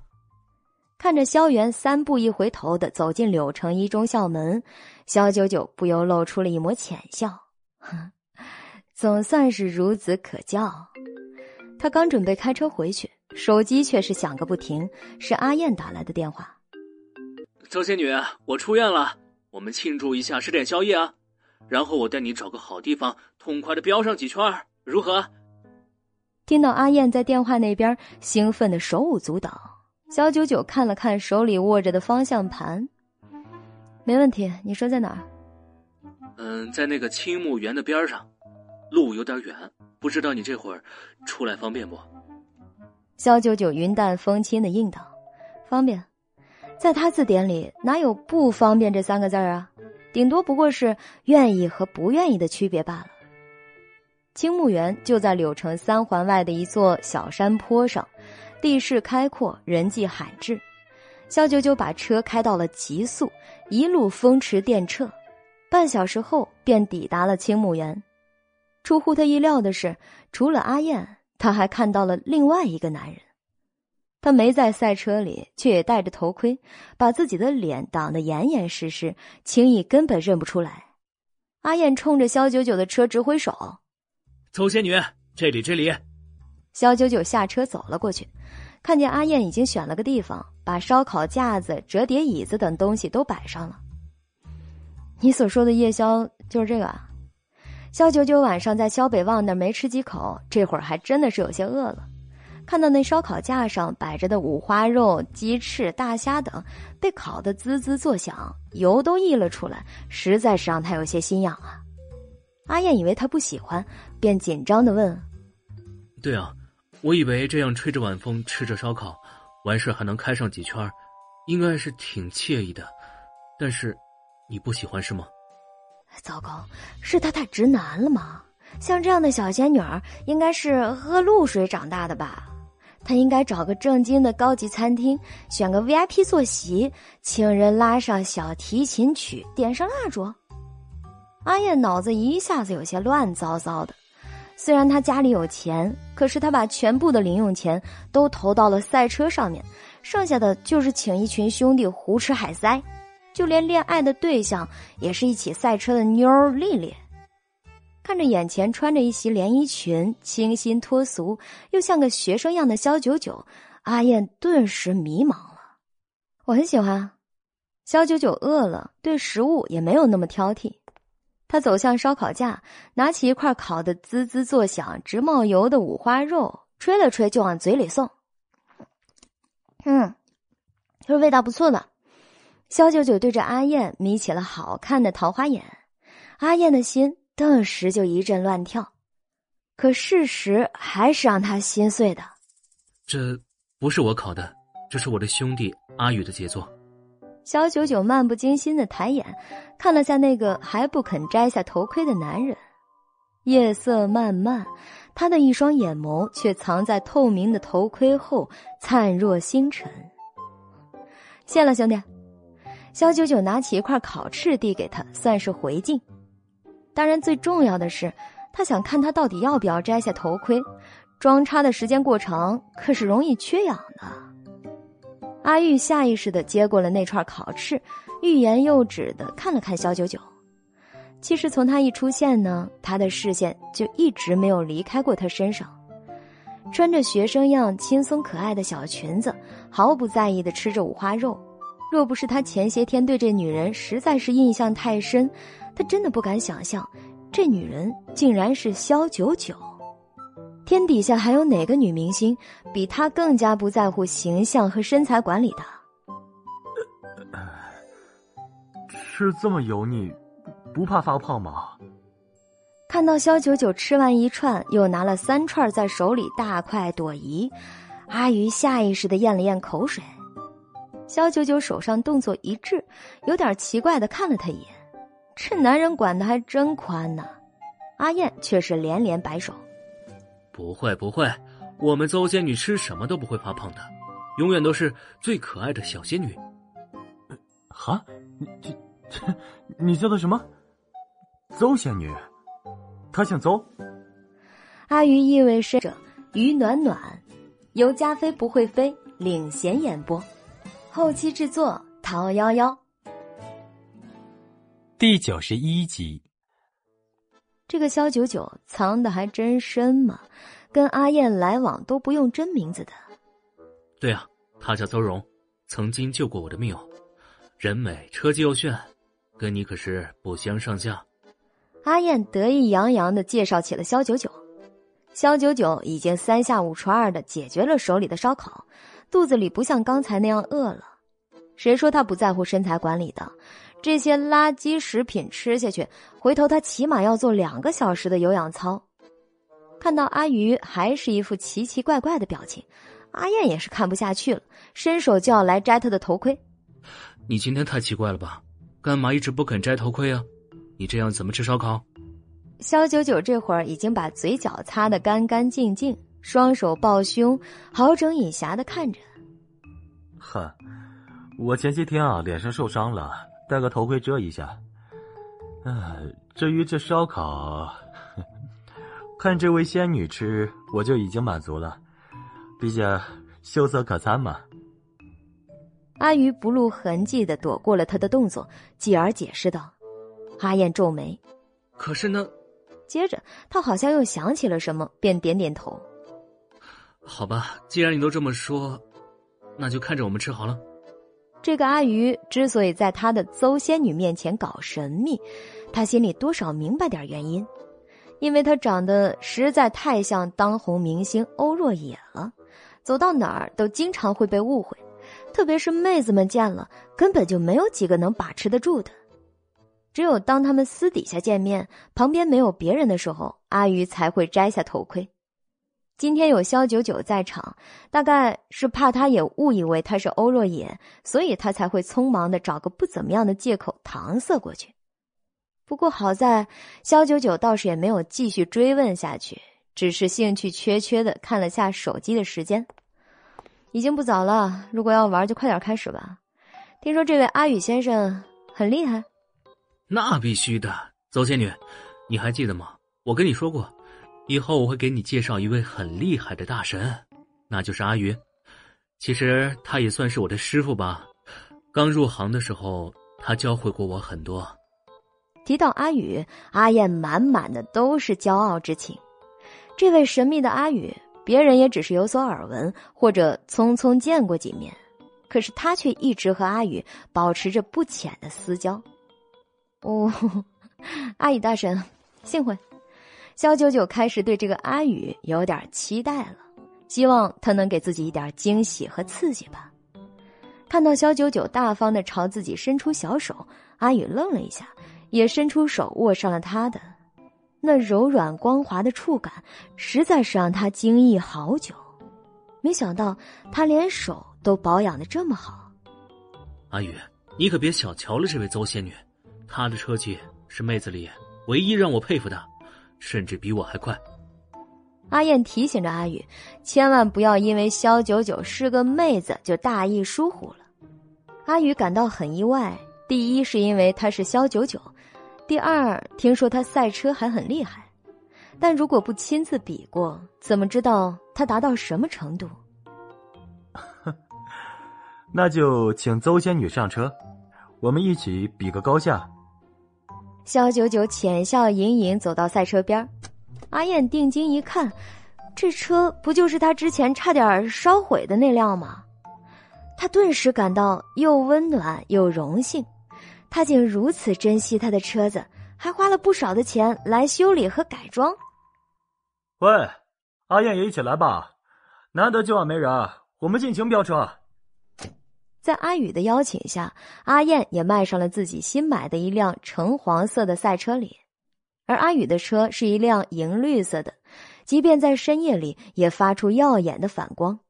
和他们的相比，肖九九从阿燕那里得到的二手改造车呢，毫无疑问在外表上就落了下风了，但他却一点都不在乎，也没有因此影响了半点心情。三人准备完毕，商量好从围着山腰一直跑上整五圈第一个到终点的就算是胜利。当阿燕拿出计时器，阿宇却侧过头看了一眼肖九九，他的眸子亮晶晶的，就像天上的星星一样。没人知道他正认真的看着前方的路况，判断和分析一会儿发车后该如何加速和发力。我不会因为你是女人就让你的。阿宇嘴角上翘，突然感到内心的力量感爆棚。如果连肖九九这样无名的女流他都赢不了，那他以后就可以不用再混这个圈子了。当计时器倒计时结束，阿燕喊了一声：“冲！”三人同时发力，三辆车瞬间从起点飙了出去。在寂静的山谷中，只有发动机的轰鸣声在提醒着他们，这是场不赢不归的比赛。比赛刚开始，阿宇就冲到了最前头，阿燕在他后面穷追不舍，而肖九九却落在了最后。阿宇的风格是那种一开始就把对手远远的甩在后面，并逐渐加速，让对方毫无超越的可能。此时，他通过后视镜看到肖九九的车在最后面，嘴角莫名的扯动了几下。到底还是他对他的期许太高了吧？这种比赛怎么可能是个女人能驾驭得了的？阿燕也觉得奇怪，今天的肖九九怎么半天都没有追上来啊？他还暗自怀疑，是不是他的那辆车坏了，肖九九压根儿就没修好。但是为了紧紧跟上阿宇，他也并没有想着等肖九九，而是全速前进，只比阿宇稍微落后了一点儿。肖九九不紧不慢的开着。眼睛始终瞄向更远的前方，在阿宇和阿燕都已经过了第一个弯道的时候，肖九九直接提速到百分之百。看到后面发动机轰鸣着的车辆一路火花带闪电的冲过来，阿燕不禁一个哆嗦。这么狭窄的弯道上这样提速，简直是不要命啊！可是这感觉也实在是太熟悉了，这就是当初他跟肖九九比赛时。最大的感受，这女人是在用命在玩车。阿宇透过后视镜发现，肖九九后来居上，已经逐渐超过了阿燕，正紧紧的跟在自己的后面。在经过第二个弯道的时候，肖九九在外圈发力，以非常刁钻的角度逼近了自己的车尾。只要稍一个失误，他的车就很可能因为超高速摩擦而被撞飞，掉到山下去。阿宇看到肖九九完全没有避让的意思，整个人都懵了。出于本能的求生欲，他降低了速度，并且拉开了横向距离，以防止肖九九被撞掉下去。可是就在他稍打方向盘的一瞬间，只见一道蓝色闪电般的身影，嗖的一下从身后。刹那超了过去，疯了！他简直是疯了！阿宇看着肖九九急速狂飙，已经远远把他们甩在了后面，颇有顺风被翻盘的感觉。可是他又不得不服气，这女人是真的不要命，是真的把生死抛到了脑后在玩车。就这一点来说，即便是专业选手，也完全不是他的对手。大家好，我是加菲，依然。第九十二集，当肖九九驶向终点线的一瞬间，阿燕看了一下计时器，比上一次他跑的还要快出二点八秒。末了，阿宇和阿燕先后驶向了终点线。现在的比赛结果根本已经不重要了。阿宇大喘着粗气，脑海里全是刚才肖九九逼他减速的那一幕。那一瞬间，他的心脏几乎要蹦出胸膛。从没有一刻会觉得死神离自己如此之近，而这一切都是拜萧九九所赐。你是不要命吗？哪怕是正规比赛，也没有你这么玩的。阿宇胸中的惊骇、后怕，还有一丝丝的愤怒，几乎把他的理智都冲得无影无踪。为了赢，命都不要了，有什么意思？你知不知道，刚才只要有一点点失误，你就会翻到山下去。即便这山不是很高，但那样的速度掉下去也是凶多吉少。肖九九安静的听他发泄完所有的怒火，才慢悠悠的回答：“在我的字典里不会有失误两个字，最起码赛车是这样。上一世他之所以能成为职业赛车场上人见人怕的无敌王者。”也正是这超乎寻常人类的对细节的精准把控，角度、方向、车速等分毫不差，一切早就在他脑子里被计算的刚刚好。他所做的只是当机立断的做出选择而已。只不过，对于现在的阿宇和阿燕来说，他的这种风格实在是太反人类，太难以理解了。不过，他也不强求有人能理解他。阿宇一时无言以对，这女人仿佛扼住了他命运的喉咙，在他引以为傲的第二事业上给了他重重的一击。他从前那些引以为傲的东西，好像顷刻间土崩瓦解，感觉自己像只坐在井底的青蛙，终于得见到了外面的天空一样。阿燕也默默的替他捏了把汗，这次他玩的可是比上次更大呀。要是一个不小心，他从此香消玉殒了，那他不是要因此而后悔自责一辈子？你没事就好，没事就好。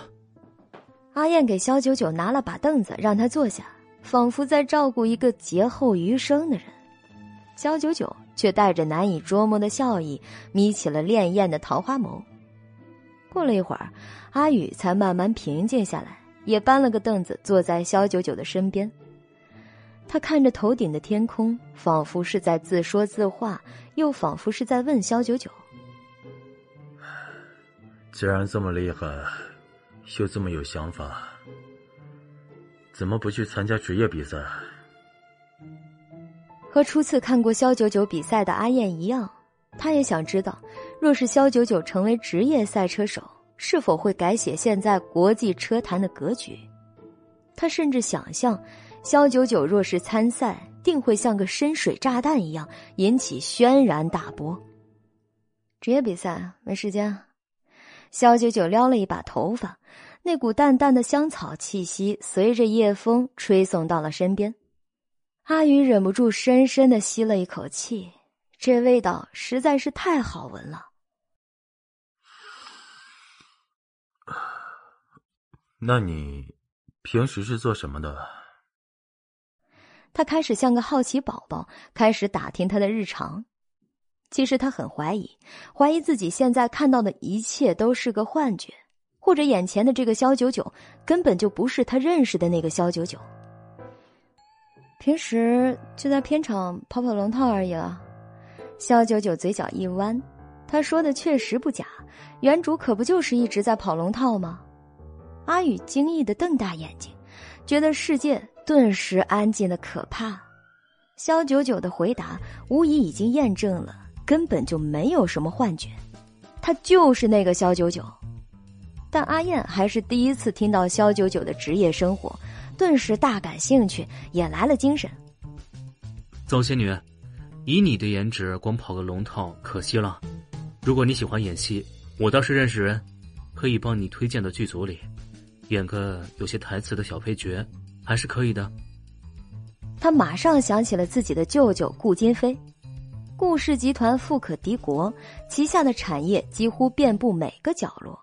演艺圈对他来说，只要想动就没有动不了的关系。给肖九九介绍个角色，应该是很简单的事儿吧？天真的阿燕满脑子想象的都是肖九九在剧组里演个丫鬟甲、士兵乙之类的群演的场景。他也很纳闷儿，这么年轻貌美的姑娘，怎么甘愿把群演当做自己的职业呢？明明她可以靠颜值就活得很好啊，无奈非要靠才华跑龙套。不用了，谢谢你的好意。肖九九微微一笑，完全不为所动。但是阿燕却越发好奇，这么美的小仙女，怎么对跑龙套情有独钟呢？这时。阿宇的手机响了几声，他看了看进来的消息内容后，便站起身来。邹荣，邹仙女，今天非常有幸能让我见识到你的本事。这场比赛，我输的心服口服。以后若是有机会啊，希望能在更好的赛道上和你比试。阿宇说着便上车，冲着肖九九和阿燕略一点头以后。他的车便消失在了深深的夜色里。我这个师傅大概从来没想过会被一个女人打败，我估计他是受打击了，回家疗伤去了。阿燕调侃的看着阿宇远去的车影，肖九九也起身准备回家，对着阿燕头一偏，洒脱的说道：“既然比赛完了，就各自回家吧，时间也不早了。”谁会想到，他深夜里飙车找刺激，其实第二天一早还要进剧组呢。阿燕点点头，关切的说道：“那我送你回去吧，毕竟这么晚了，你家里人知道了会很担心吧。”说来也奇怪，他每次看到小九九，他都是一个人独来独往的，从来没有听说他提过什么家人。他好像也不受任何的拘束，自由自在，想干什么就干什么。这一点是一直被母亲和舅舅管束的阿燕所非常羡慕的。嗯，并不会，肖九九含糊其辞的说道：“家人对他是个什么概念？大概这一世真正能算家人的，就只有任洪川、萧元，还有他的老搭档钱无义了吧？可是任洪川和萧元根本不知道他每天都在做什么。”而钱无义每天最担心的，无非就是萧爷今天会不会又在外面打人了之类的。阿燕脑子里有千万个问号，对这位仙女的兴趣也是越来越浓厚。她很特别，跟她之前见过的所有的女孩子都不一样。她好想知道关于她的一切啊，但是。又怕太过突然的刨根问底儿，会把好不容易能不排斥他的小仙女给吓跑了。那我还真的是很羡慕你了，我家里人就不会这样放任我，特别是我妈，明明人在国外回不来，还每天要我舅舅管着我。我原来那帮赛车的兄弟都被我舅舅给警告了，不敢再跟我玩车了。哎，真是没意思。阿燕说着。不忿的把脚下一块石子踢到老远之外。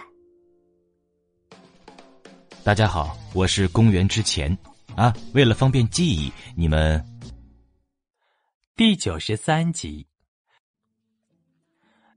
你舅舅好像很厉害的样子啊，警告了别人就不敢再玩了。肖九九若有所思的想起之前刚看到的一帮不明身份的黑西装。在暴打跟阿燕结下梁子的那帮小流氓，现在想来，那帮黑西装多半是阿燕这位舅舅的手笔了。对啊，我舅舅他触手可长了，能伸到很多地方。我从小就生活在他的阴影之下，最希望能有哪天逃出他的控制 就好了。阿燕完全是一副叛逆少年的语气。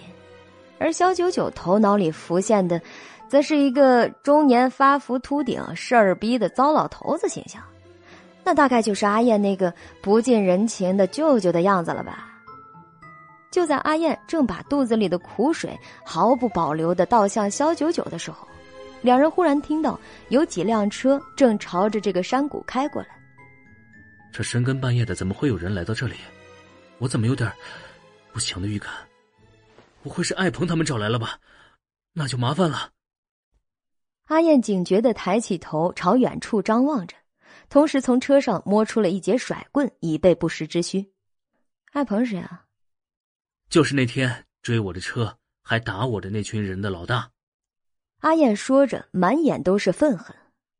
他们那帮人和我早有过节，每次我们要去哪里赛车，他们都能像猎狗一样闻着味道跟过来，简直恶心。哦，那应该不是他。肖九九了然的抿唇。阿燕还不知道，那个艾鹏早就被他舅舅派人给干掉了。至于是死是活，看那狠劲儿，不死的话也得落个残疾了。你怎么知道的？黑夜中，阿燕惊讶的看了看肖九九，猜的很直觉。肖九九不慌不忙的说道：“希望你的直觉是准的吧。”对阿燕来说，再也没有什么事儿比艾鹏那帮人找他麻烦更头疼的了。同一时刻，在山谷外，两辆车一前一后的开着，一辆林肯，一辆法拉利。最前面的林肯车上，顾金飞坐在后排，眼睛望向窗外。确定是在这里吗？驾驶位上的文杰斯笃定的点头。我们早就已经调查过了，阿燕少爷今晚约了人在这里飙车。至于对方是谁，现在我们还不清楚。总之就是经常和他一起玩车的。那小子身上伤还没好，就逃出医院。还无视我的警告，又玩起了车。顾金飞目光凌冽，完全没有一丝亲情的味道。今天他若是不能一次性的把李家燕给治好，日后如何向他的姐姐交代啊？先生，您放心，您今天亲自出马，肯定可以把阿燕少爷给吓得不轻。以后他要是再想玩车，恐怕也没有那个胆子了。山腰上。阿燕听到外面的车声越来越近，突然感觉自己的右眼皮一阵狂跳。要不我们先走吧，不知道对方什么来头，万一不是什么好人，这大半夜的就我们两个，我怕我护不了你的周全。阿燕说着，心虚的瞥了一眼肖九九，其实也不是担心护不了他的周全，毕竟上次还是托了肖九九的福，他才能从艾鹏手底下逃出升天。他真正担心的是，对方万一带着恶意杀来，自己没把握能干掉一群人，到时候岂不是又要被肖九九看到那副狼狈样了吗？即便他不是个能打的，在自己喜欢的小仙女面前，也绝对不能输了阵势，更不能让他瞧不起自己。所以他掐指一算，还是三十六计，走为上。肖九九却是一副无所谓的样子，耸了耸肩道：“既然不是爱朋友，什么好担心的？难道你还跟别的帮派结了梁子？”这个倒是没有，但是阿燕已经一朝被蛇咬，十年怕井绳了，但是她怎么也不会对肖九九说出口的。就在他俩一个想走，一个无所谓的时候，对方的车已经开到山脚下。借着月光，清晰可见。肖九九下意识的感到那两辆车好生眼熟啊。不过几秒钟，他便确定，没错，一辆是顾金飞的林肯，另一辆是他曾借来开过一段时间的法拉利。没想到逼着他还十二点六亿的债还不够，还要违反契约，追到鸟不拉屎的青木园来管他的闲事儿。不好，是我舅舅的车，他肯定是听说我在这里跟人赛车，来抓我来了。与此同时，阿燕也认出了那辆车来，几乎眼珠子都要瞪落到地上了。弄了半天，这阿燕原来是顾金飞的亲外甥啊！肖九九二话不说，立马上车。既然他是来抓你的，那你就乖乖束手就擒吧。反正你舅舅只手遮天的，你是逃不过他手掌心的。仙女，你要不要这么现实啊？要不我们一起跑吧，从山谷另一头跑出去，他们也未必能追得上。此时的阿燕比之爱朋亲邻，更害怕即将到来的亲舅舅。爱朋顶多是让他受点皮肉之苦，可是舅舅就不是那么简单能打发得了的了。这还用商量啊？各凭本事，能跑则跑吧。肖九九也实在不想被顾金飞给发现了，自己跟他的外甥在深更半夜的山谷里飙车。凡人总是喜欢根据他们看到的东西进行一些那个丰富的联想。若顾金飞瞧见了，定然又要说三道四，到那时又不知道有什么阴招损招在等着他了。虽说他从不怯他分毫。但是频繁纠缠总是让他疲于应付的。肖九九先一步发动引擎，他的发动机轰鸣声顿时响彻了整个寂静的山谷，惊飞了夜宿枝头的一群鸟儿。阿燕也毫不含糊的立刻跟上，两人朝着跟顾金飞完全相反的方向的另一头开过去。林肯车上，文杰斯很快发现了情况不对。先生，听这个声音，应该是赛车跑远了。想必阿燕少爷已经知道我们来抓他了。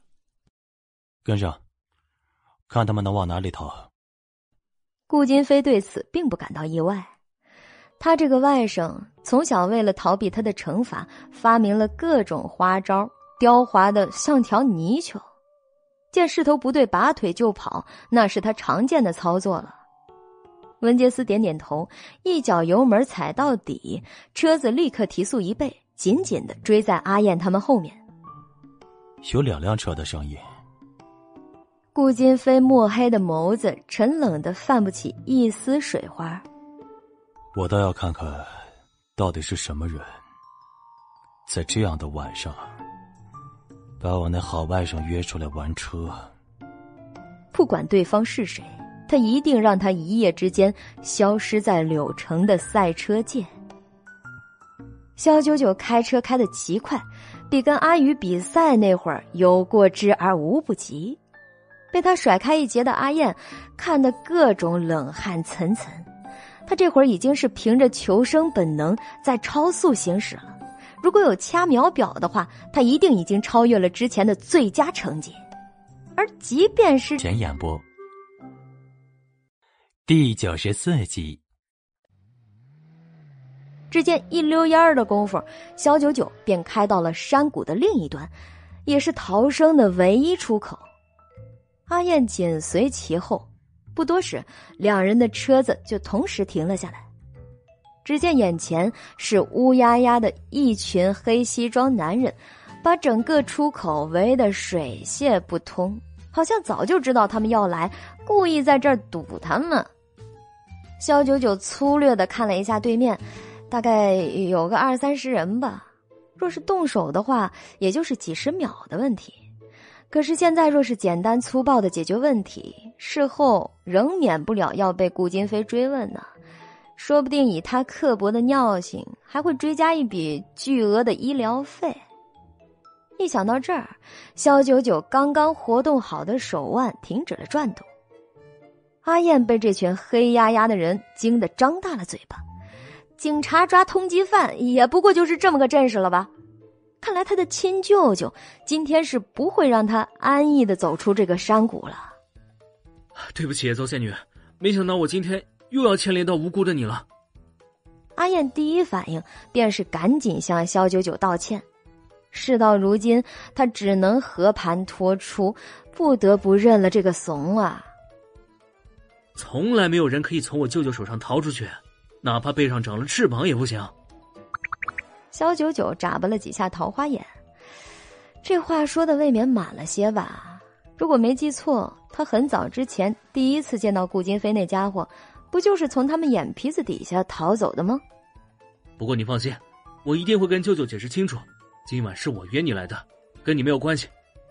阿燕已经挖空了心思，到时候用尽一切手段也要护肖九九的周全，绝不能让舅舅对肖九九下手。就像对他那群手下一样，那么无情。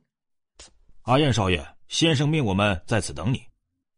黑西装中为首的一个，眸子雪亮的看着阿燕和萧九九说道：“你不用说，我也知道。”阿燕像是已经认命，束手待毙的从车上走了下来。萧九九也走了下来，懒懒的倚在车头上，一手托着腮，好整以暇的看着眼前的一切。果然没过多久，顾金飞的车就追了过来。黑西装一群人毕恭毕敬的对他的车行礼。顾先生，阿燕少爷已经在这里了。林肯车的车门打开，顾金飞一双修长的大腿迈了出来。随后，他的视线第一时间却牢牢的锁定在了正云淡风轻看向他的肖九九的身上。文杰斯的脸。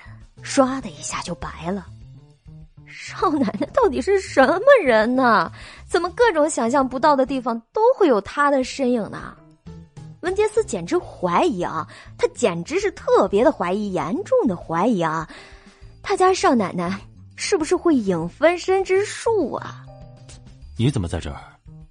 顾金飞迈步走到肖九九的车前，眉头不由得微蹙了一下。他怎么也想不到，那个深夜陪阿燕来玩车的人，竟然会是他的老婆。我怎么就不能在这儿啊？肖九九双手环胸，嘴角微微上翘，笑得有一丝揶揄。我在这玩车是违法的吗？要让顾先生费这么大的力气 来抓我？顾金飞的眼底瞬间划过一抹寻味，事情当真有这么巧吗？虽说他早已经调查得知，肖九九不仅认识阿燕，和他一起飙车，还从艾鹏等人手上救了他的性命。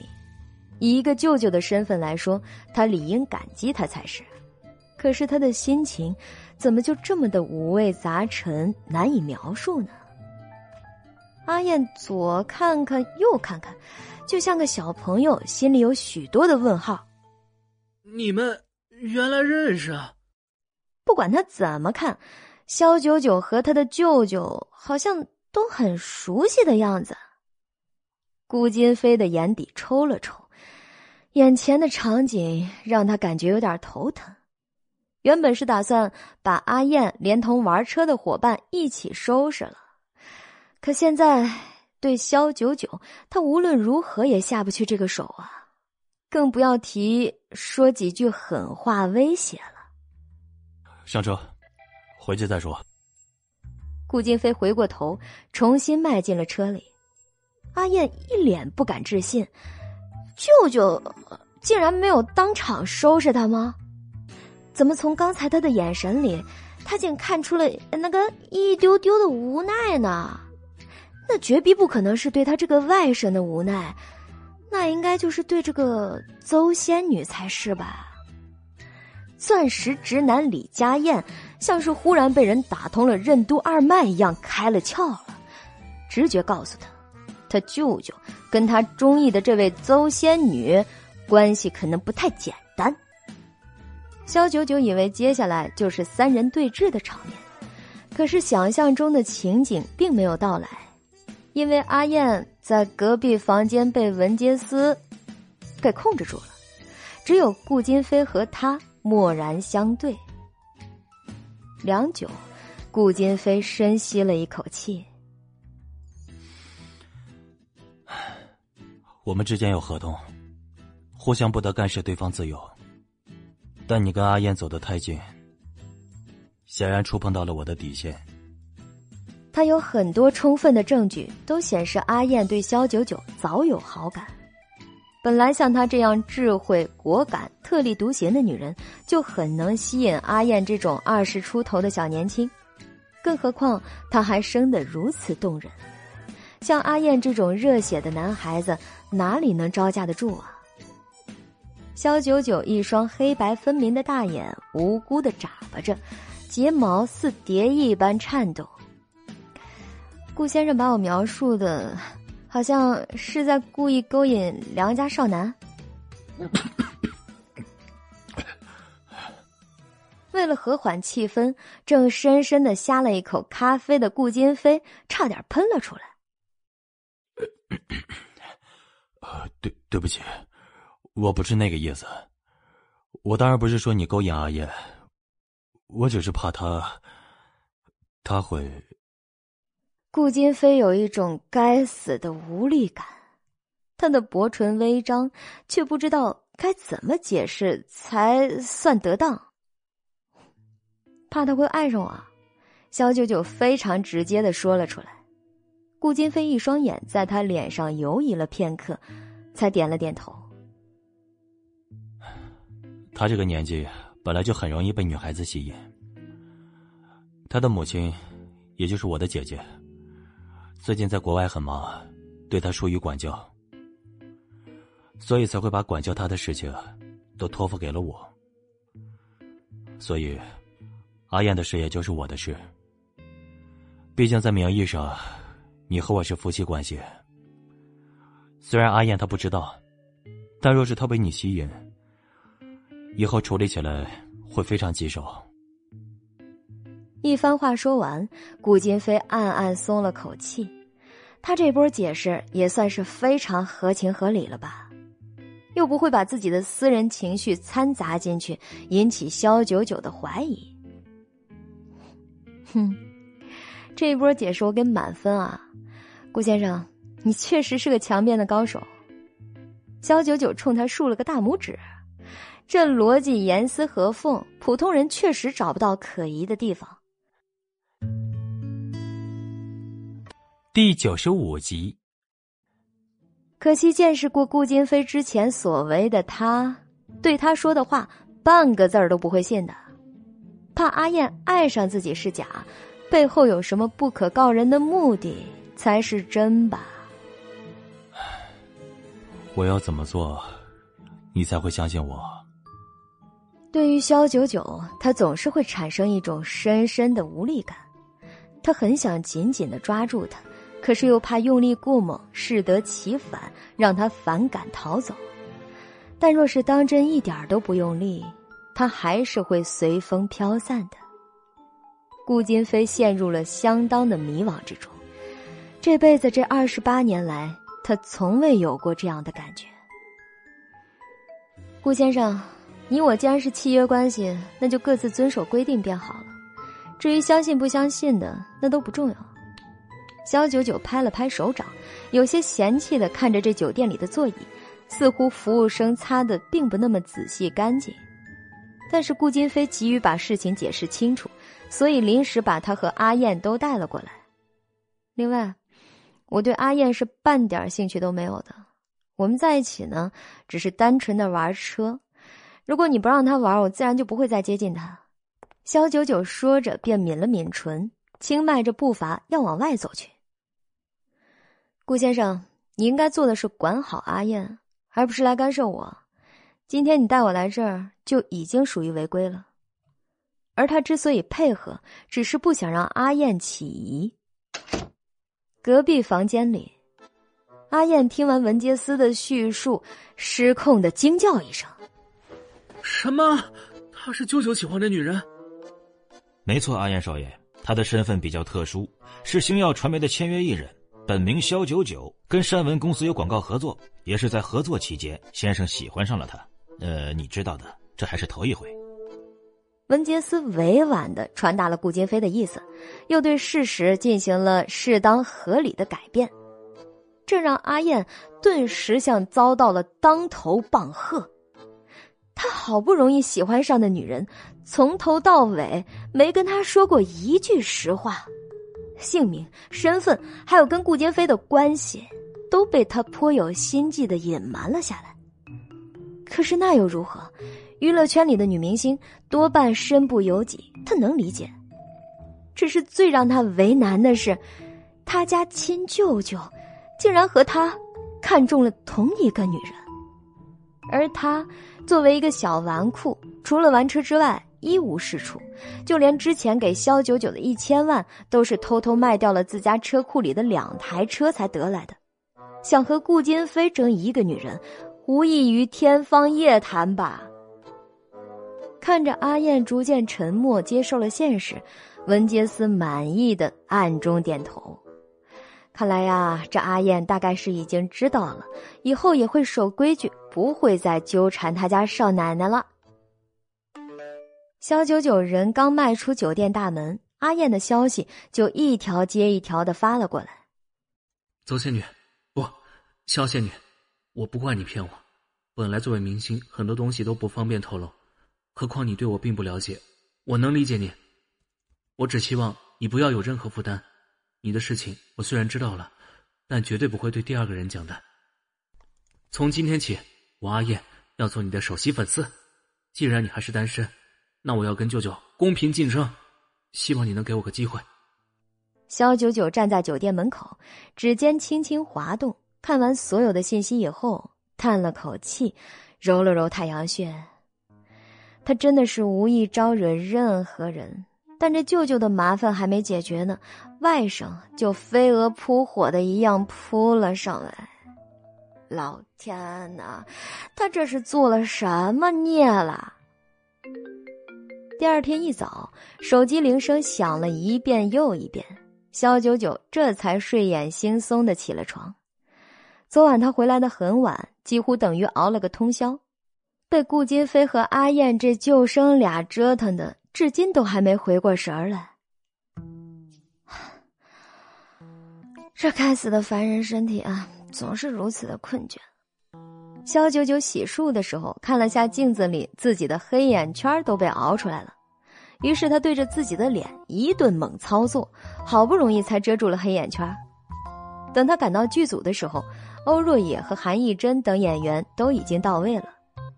看着肖九九姗姗来迟的样子，导演还没开口。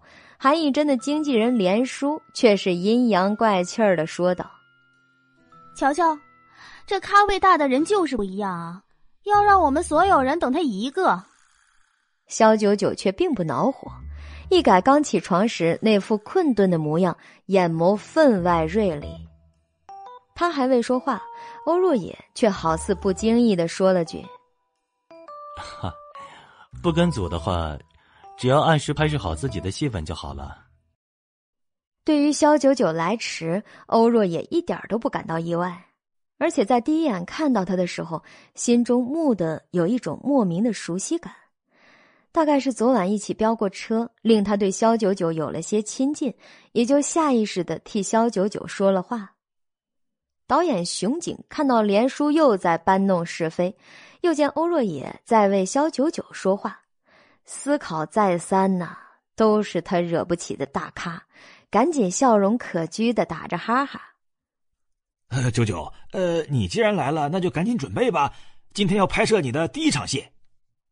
待肖九九化妆造型完毕，换上了紫色襦裙，他刚一走出来，连正在跟欧若野对台词的韩艺珍，也不由得被吸引了目光。只见她头上挽着两个豆蔻少女的发髻，妆容淡雅。如果不说年龄，几乎人人都以为萧九九就是这场戏中那个年方十八的妙龄少女赵若幽。欧若野的目光也随着众人朝萧九九投去，而他的眼神带着毫不掩饰的欣赏。光是服装造型的效果，萧九九就已经足够吸睛。大有把女主宫雪香给比下去的势头。看着萧九九一出来，就已经抓住了大家的眼球，赢得一片赞赏。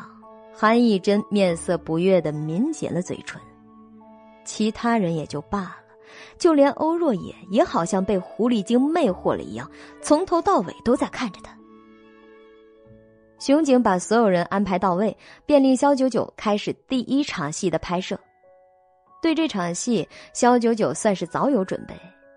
那是年少的赵若悠对还是府中下人的宫雪香百般刁难，却被女主一一化解。此时的他不解气的扇了宫雪香一个巴掌。到了正式拍摄之时，萧九九把女二那股年少跋扈的性格演绎的淋漓尽致。最后，他一个巴掌下去，穿着下人服饰的韩义珍。便被扇得跌倒在地。你一个下人也配质问我？这里是赵府，我的父亲可是当朝宰相，而你是个什么东西啊？街边卖身葬母的叫花子！如果不是我父亲好心救你，你早就是路边一具冻死骨了。韩以真头发被扇得凌乱扑在脸上，来不及整理，抬起头来。眸子里全是柔弱可怜，让人看了觉得分外同情。可是除了这样的情绪之外，就再也没有别的东西了。韩艺珍还没有来得及说台词，就听连叔惊叫了一声“咔”，导演和一众工作人员都纳闷的看着他，怎么能这样打断了拍摄？于暖暖，由加菲不会飞领衔演播，后期制作陶幺幺。第九十六集，但因为他是圈里人人皆知的金牌经纪人，熊景为了大局考虑，还是忍了这口气，耐着性子问：“莲姐，有什么事啊？”连叔扑到韩艺珍身上，用手捧起了她的脸庞，好让更多人看清楚。只是一场戏而已，为什么要下这么狠的手？看他把我们艺珍的脸都扇成什么样了！导演走近了几步。仔细一瞧，只见韩义珍那瓷白的脸蛋儿上是一个鲜红凌厉的五指印儿，这会儿还有肿胀起来的迹象，绝不是一时半刻能消得下去的。萧九九，你也太过分了吧！虽说做演员的要敬业，可是你如此用力的去扇一个女演员的脸，你有没有想过她接下来的戏份要怎么演啊？你到底是何居心？连叔心疼的捧着韩义珍的脸，把他的头埋进自己的胸膛，又愤愤的点名责备肖九九，因为他的大声叫嚷已经把剧组里很多的工作人员都引了过来，有些甚至暗戳戳的掏出手机，对着他们开始拍摄视频。这段传到网上去，那绝对的劲爆眼球啊！标题就取名叫。某十八线女星片场借戏恶意扇肿韩艺珍的脸，保证韩艺珍的粉丝看了一人一口唾沫都能淹死这个不知死活的肖九九。肖九九眯起桃花眼，看着戏精附体的连叔，刚才他扇韩艺珍的那一巴掌根本就是一个假动作而已，实际根本没有扇到他的脸。那我倒是也很好奇啊。是谁能一巴掌把韩小姐的脸给扇成这样啊？肖九九轻蔑的笑了笑，接着走向了熊姐。导演，麻烦你给大家看一下刚才三号机位拍摄的镜头。三号机位正好位于肖九九和韩艺珍的侧后方。导演虽然还云里雾里的，但依然下意识的应了声好。几乎全剧组的人都跑了过来，想要一看究竟。这时，三号机位的画面从摄像机屏幕上被回放的清清楚楚，特别是肖九九扇韩艺珍那一巴掌的瞬间，还有一个特写。从三号机位的角度，能非常清晰的看到肖九九的巴掌压根儿就没有碰到他的脸，最起码还有五厘米的距离。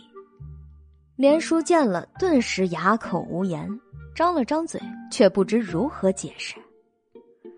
现在大家都看清楚了，我虽敬业，却从来不会拿女演员的脸蛋儿不当回事儿，更别说会无端的扇肿韩小姐的脸了。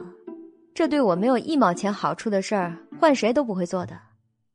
韩艺珍从地上爬起来，脸色也是青一阵儿白一阵儿的，刚刚被扇的地方还兀自发红，整个脸跟个调色盘一样，那别提有多精彩了。他和连叔自导自演自己家的这场戏，只有他们自己才清楚，从头到尾都是他们自己动的手脚。剧组的人都大眼瞪小眼儿，特别是刚才那些看好戏、偷偷拍摄了小视频的，也识趣的赶紧把视频给删掉了。对不起，这都是我的错。韩艺珍讪讪的站在那儿，泫然欲泣，抬起头来，眼神中是无尽的委屈。他并没有说自己错在哪儿了，也没有解释脸上的五指印是怎么来的。肖九九感到非常无趣，导演熊姐却忙不迭的息事宁人。啊，不不，这只是一场误会，误会而已。大家以后还有好久的戏要一起拍呢，呃，这次误会就过去就算了啊。熊景心里不是没有数，韩艺珍背地里就是看肖九九不爽，搞了些小动作排挤他而已。但是无奈韩艺珍是这个剧组两尊大佛之一啊，除了他之外，就属欧若野最不能得罪。至于这个肖九九嘛，哎，就委屈一下，咽下这口气得了。毕竟大部分识相的小演员都会很好的配合他的呀。肖九九心思通透的很，当然不会不知道熊景是个什么想法。他自己也没打算深入追究，毕竟被打的又不是他。何况一想到韩义珍为了栽赃给他，还不惜上演苦肉计，这也算是用心良苦了。对这么努力的演员，他又有什么好追究的呢？可是，偏有人不敢苟同的发了声：“我不觉得这是误会啊。”大家一看，欧若野正双手环胸，盯着那三号机位的屏幕，又回看了一遍。我实在是百思不得其解啊，韩小姐，你这脸上的五指印是怎么来的？既然肖九九他没有删到你，难道是你自己？空气突然安静的可怕。所谓看破不说破，做人留一线，日后好相见呐。大家都是抱着这样的想法去践行这个伟大的真理的。而且对方是韩义真，好吗？她长得那么漂亮，人那么纯真可爱善良，眼神又是那么的无辜，那那那那那肯定就是个误会了呀。看到欧若野起了疑心。韩义真的脸色更加难看了，这回他直接流下了两行清泪。若言，我们都合作两部戏了，我是什么样的人，你还不清楚吗？导演都说了，这就是个误会，你为什么还要这样？在一旁观看的肖九九都替他尴尬死了。这种被人死死揪住小辫子不放的感觉，想必韩义真现在只想挖个地洞钻进去吧。要当众承认是为了诬陷肖九九，趁人不注意自己扇了自己一巴掌，而且下手还这么狠。女人呐，真是用心歹毒啊！导演熊景看到韩义真哭了，忙上前安慰：“义真，别哭，别哭啊！”没人逼你，若野他就是开个玩笑，你可千万别当真呐。韩义真却哭得梨花带雨，几度哽咽起来。我真的没想到，我跟他合作这么久，他这点信任度都不给我。连叔连忙上前搀起了韩义真，别哭了，我扶你去休息室吧。回头又匆忙的对熊景说道。导演，我们义真现在状态不佳，先拍其他人的戏吧。熊景连连点头。嗯，好，好，好，呃，先让义真好好休息。开什么玩笑啊！作为流量剧之王，韩义真可是他这部戏的重中之重啊。他若是心情受了影响，拍摄进度也会被大大的延迟，那资方肯定就不乐意了呀。熊景揪心的看着韩义真离去。本集已播讲完毕，我是加菲。这部剧的推荐指数是五颗星。如果大家喜欢的话，一定要订阅专辑。给第九十七集。休息室里，韩一真刚坐下来，连叔把门就关了起来，整个房间再也没有其他人。韩一真的眼泪瞬间就停了下来。好你个欧若言！枉我平时那样待你，关键时刻你竟然帮着那个肖九九！我跟你合作多少年了，你跟他不过是才刚见了几面，竟然就被他魅惑的失了心智，真是气死我了！连叔赶紧拿出杯子给他倒了一杯热可可，却被韩义真无情的推开。说了多少次了，喝这个会发胖，给我倒掉！连叔尴尬至极。因为你向来在心情不好的时候都喜欢喝这个，我想让你心情稍微好一点儿。要让我心情好，就把那个肖九九赶出剧组。韩以真银牙紧紧的咬着。现在所有的剧组都在看我的笑话，后面我还怎么拍摄？一想到大家都在心里想我扇了自己一个耳光，我还有什么脸面见人？韩以真愤怒的伏在桌子上。通过镜子看到自己的右边脸，果然已经肿胀的不像样子。他轻轻的抚摸上去，还有阵阵的刺痛感。好了，一真，后面你跟那个肖九九还有好多的对手戏，咱们要整他，还说找不到机会。今天他不过是运气好罢了，下次可不一定了。连叔这番话才让韩一真稍微得到了些安慰。你说的也是。像那样的小贱人，我要留着他慢慢玩，玩死为止。因为韩义真的休息，剧组临时调整了拍摄计划，把欧若野的几场戏份提前来拍摄了。肖九九坐在一旁的椅子上，戴着耳机听着歌，打着游戏，那别提多惬意了。从头到尾也没有看过欧若野一眼。可是欧若野在拍摄的时候，眼神却总是不由自主的往他这边瞟过来。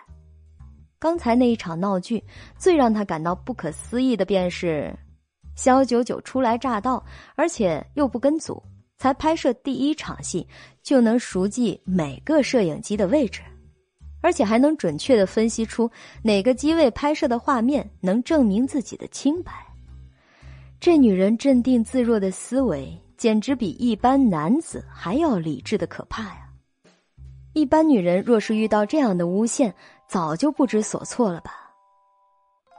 肖九九打完两场排位赛，欧若野的戏结束了一场，导演让他停下来暂时休息一下，补个妆。肖九九戴着耳机，对于外界发生的事情一概不知，只是沉浸在自己的世界里。当他操纵的英雄正在野外草丛里偷偷潜伏着，伺机等待宰割经过的猎物的时候，忽然有人拍了拍他的肩膀：“别闹，打排位呢，正忙着没看见呢。”他头也不抬，眼神一直盯着屏幕看，万分专注的样子，让身后的欧若野一时无语。没见过在片场还这么赶时间上分的呀哎呀！他二话不说，手一伸便把肖九九的耳机给摘了去。喂，你平时除了打游戏，还有什么别的爱好吗？欧若也蹲下来，视线堪堪对上肖九九的双眸。肖九九的眼神仿佛在看智障。小伙子，你搭讪也不找个适当的时候嘛，有没有点眼力见儿啊？瞪了他一眼后，肖九九没有回答，又埋头进入到游戏的世界里。欧若野却也不恼，直接拉了椅子坐在他旁边，看他玩了一整局。不得不说呀，这肖九九是他见过最野的女人了，在游戏里可以操控整个大局，越塔虐拳乱杀那都是日常操作。除了肖九九之外，欧若野实在是没见过还有别的女人能做到像她这样的。可以说，他完全打破了他之前对女人的某些偏见，譬如在某些领域，只有男人才能做到顶尖。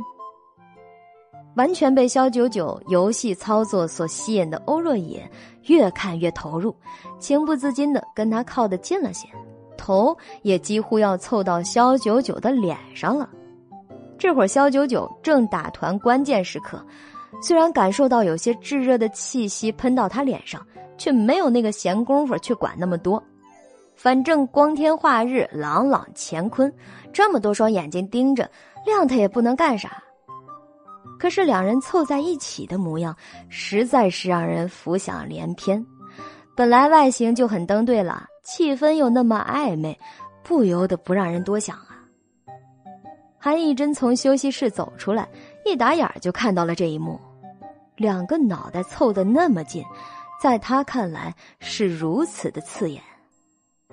可是他又没有立场说什么，毕竟他刚在肖九九面前吃了瘪。韩义珍暗暗发誓，下一次自己一定会更小心、更巧妙一点肖九九一局打完，正好熊景又叫了欧若野过去跟韩义珍拍对手戏。欧若也一边答应着，起身帅气的一甩头发，回眸刹那，眼神真的是迷死了剧组所有的小女生了。她穿着一袭月牙白色的长袍，头上戴着白玉冠，面色温润，唇角微抬的样子，就是传说中“陌上人如玉，公子世无双”的那种公子啊。可是萧九九。不管内心还是表面，都是毫无波澜。对欧若野这种下意识的撩妹行为，他表示实在是看腻了。而不远处，韩艺珍却双手捧着心，眼里都是少女般娇俏而充满幻想。若野他举手投足都让人神魂颠倒，这样的男神，只有我才能跟他匹配。是呀。不如趁这次拍戏的机会一举拿下他。反正这个剧未播先火，网上已经有大批的网友在磕你们的 CP 了。我找个机会跟他的公司谈一下，让你们炒炒 CP。连叔很明白，韩艺珍钟情欧若野这一款，以他在娱乐圈的地位，要什么男生都是挥之即来。只有欧若野每次都把他的示好当空气，这就更激起了韩艺珍那心底潜藏的征服欲了。欧若野，他只能是我的。肖九九两耳不闻窗外事，一心只上排位分呐，捧着手机自得其乐。对欧若野拍戏间隙频频递过来的眼神视而不见。等到欧若野一个镜头拍完了，他正要去找肖九九，演完对手戏的韩艺珍就缠了上来：“若野，你渴不渴？我这里有一杯亲手调制的冰饮，特别好喝，你试试。”韩艺珍从连叔手里端来一杯蓝色饮料，里面放了许多的冰块，上面还有一片柠檬，看上去非常的清凉解渴。可是欧若野却敷衍的说了句：“哈，不用，我现在不渴。”韩义珍立即神伤不已：“若野，你还在为刚才的事情怪我吗？那真的只是个误会啊！我为了做这杯饮料，特意学了好久，你连喝一口都不愿意吗？”欧若也干脆果断的把饮料杯推开，他才不信韩义珍会自己做出这杯饮料。对他说的话，他一个字儿都不信。啊，抱歉啊，我还有点事。欧若也说着，又指了下熊景那边。哦，对了，导演让我告诉你啊，一会儿他有点事要找你。韩义珍处在原地，不知该追过去还是知难而退。大家好，我是公元之前啊，为了方便记忆，你们。第九十八集。对于欧若野随便找个借口打发他，他大感失望。就算是块石头，也应该能捂热了。怎么这欧若野对他这样柔情似水、温柔体贴的攻势，竟然能完全视而不见呢？欧若野大跨步来到了肖九九的身边，只见他还旁若无人的沉迷在游戏的世界里。而且看到欧若野过来，他还下意识的把手机抓得更紧了一点，怕一会儿这精神小伙不仅拔他耳机，还要抢他手机。但这次欧若野却是啥都没做，只是掏出了自己的手机，打开了《荣耀世界》这款游戏的界面。一看对方跟自己玩同款游戏，肖九九对欧若野的印象分顿时蹭蹭的往上猛涨。哼，小伙子。不管你之前跟我有多少次的尬聊经历，只要一起打游戏，你就是我的朋友。肖九九主动拔掉耳机，眼睛亮晶晶的。原来你也玩这个啊？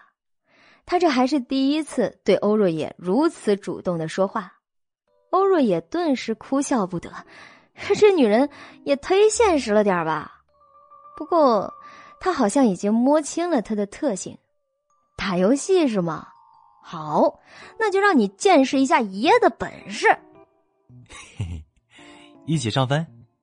欧若野打开他的战绩界面，上面清楚的记载着他傲人的百分之九十二胜率、数千次的五杀，以及若干省级排名前三的英雄。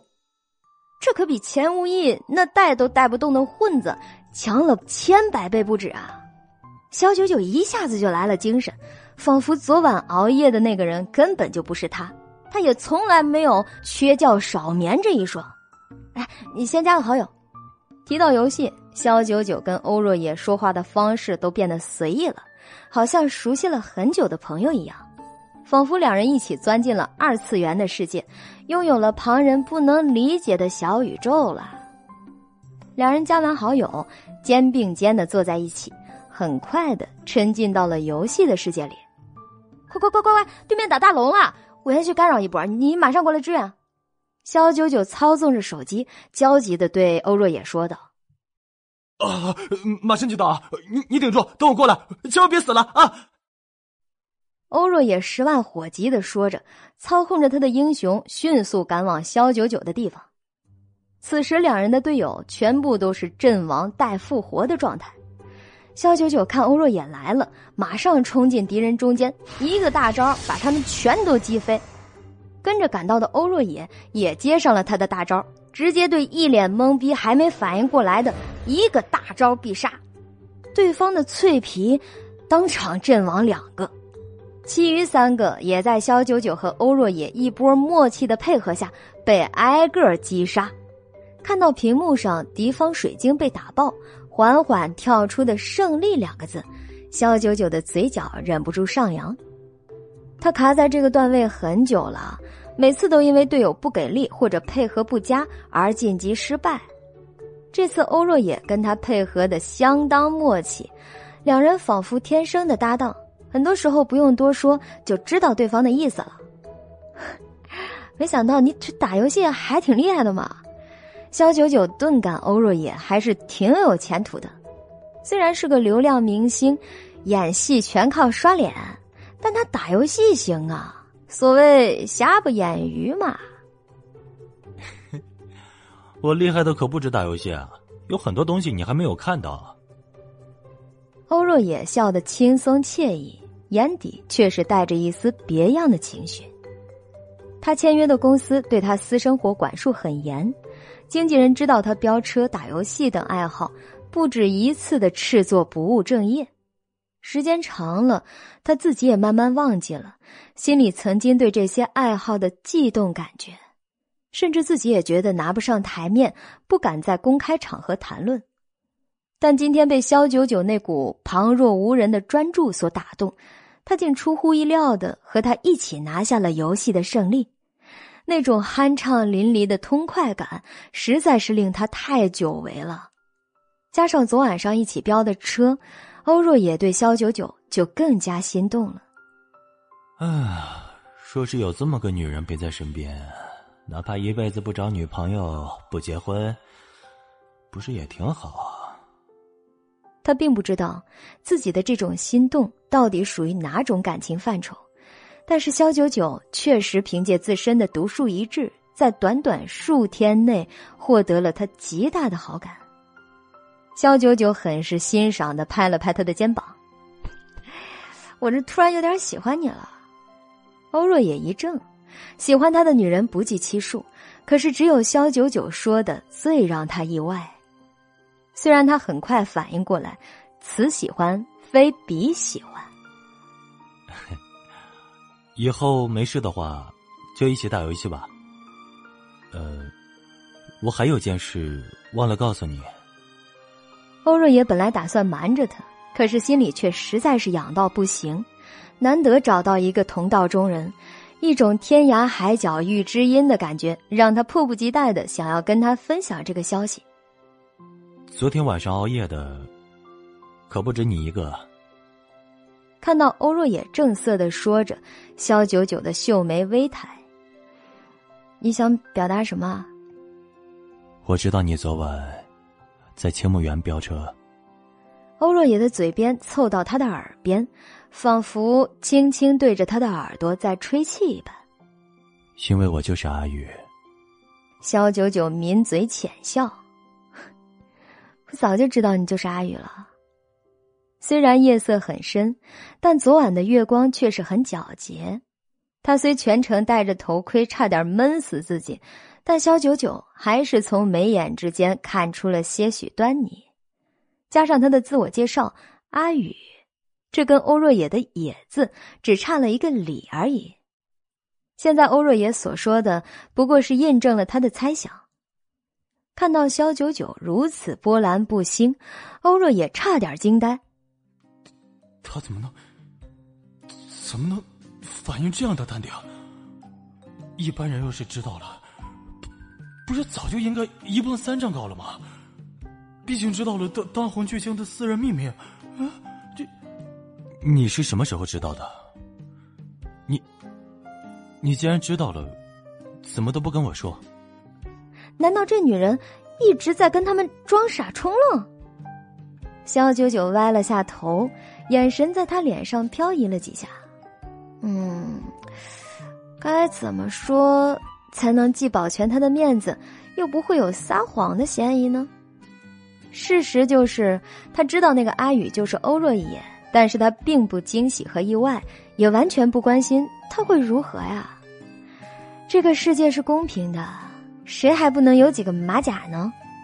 肖九九就是这样懒得理别人闲事的心态，才会对欧若野的这件秘密满不在乎。于是他公式化的冲他笑了一下：“是你杰出的眉眼出卖了你。”这倒是没有扯谎。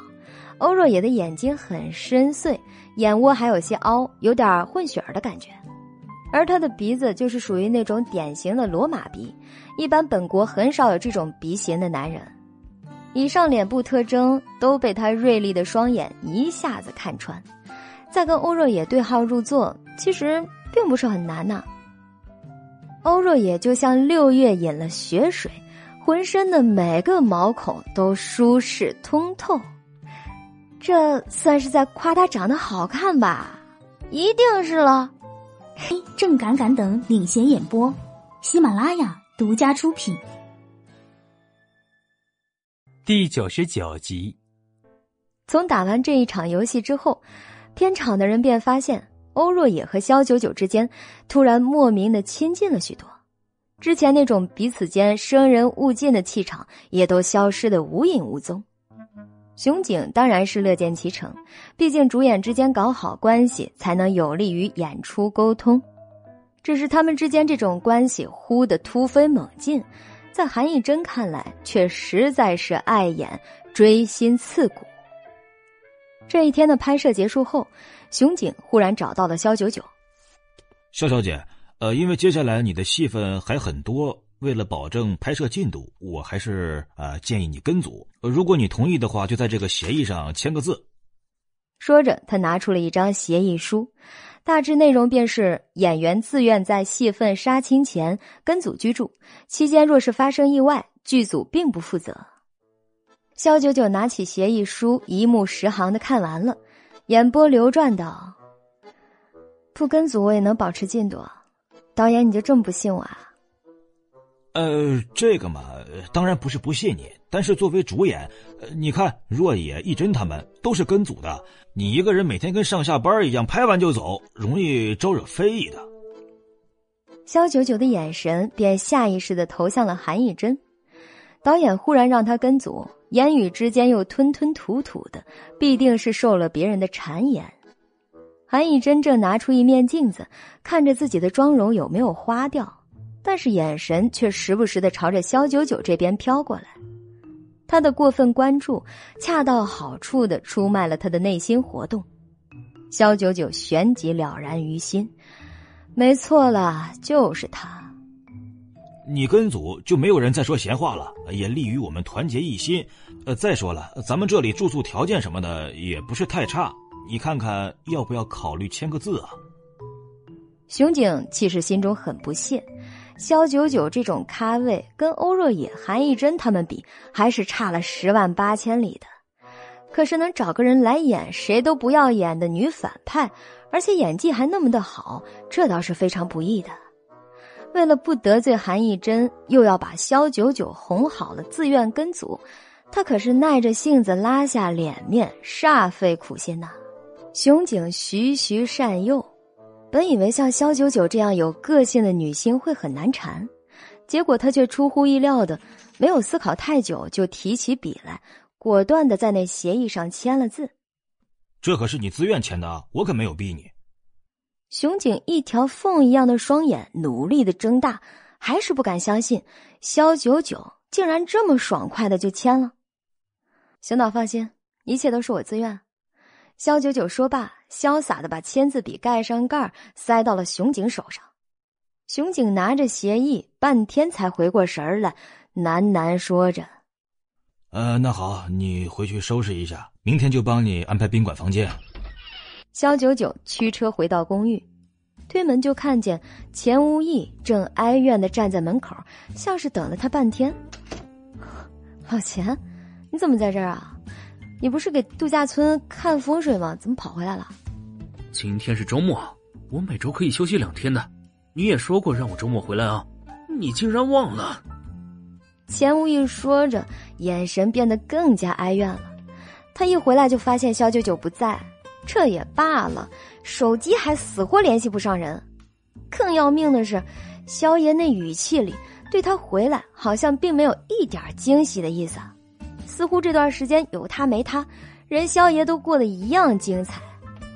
钱无意顿时酸了，他必须要证明他的存在价值。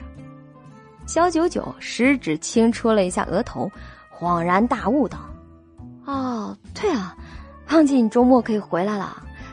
不过你回不回来也没什么关系啊。”小野，你还能更扎心一点吗？我回来也就住这一晚上，导演让我跟组住宾馆，所以我明天就要搬走了。肖九九耸了耸肩。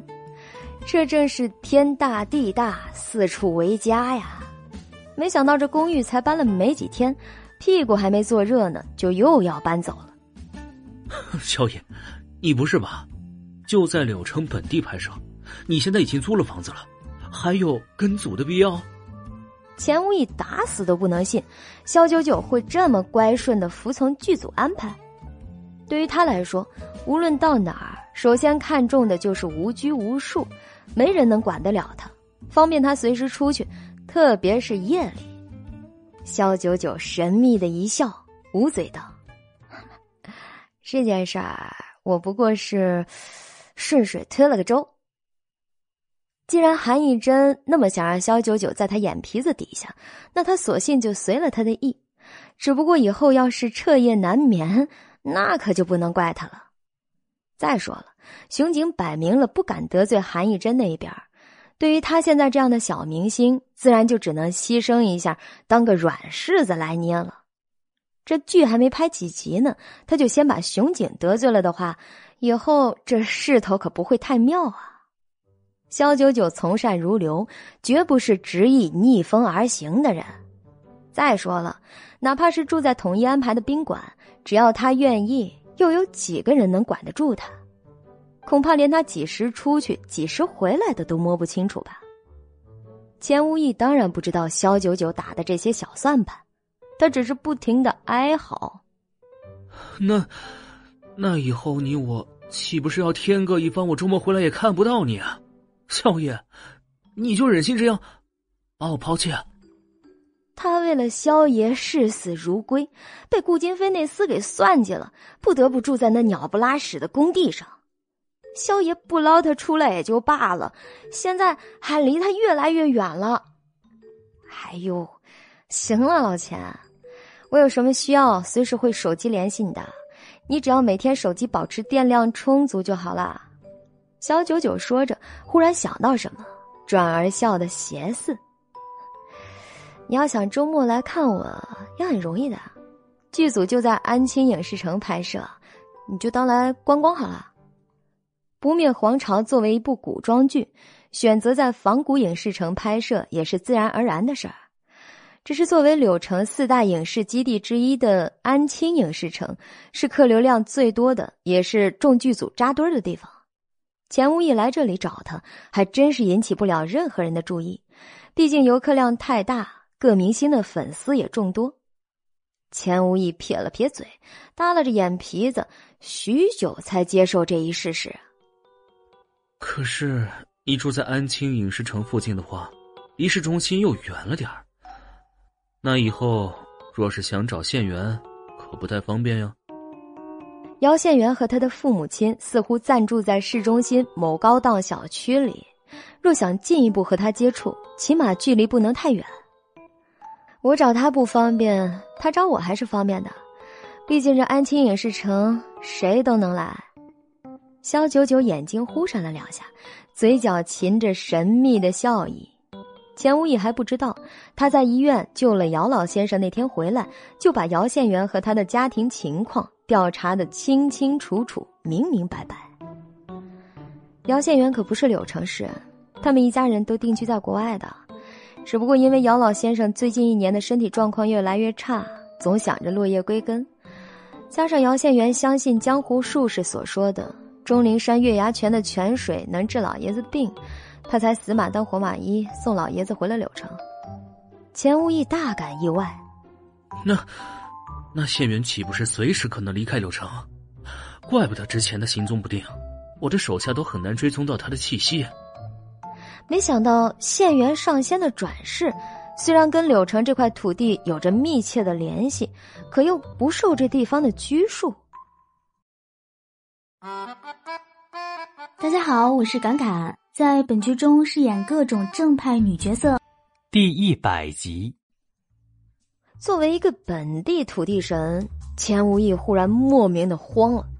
万一这以后县元跑到国外去，自己还真的是没办法随萧九九一起出国，除非他行踪不定，没关系啊，只要有姚老爷子在，他一定会来找我的。我有预感。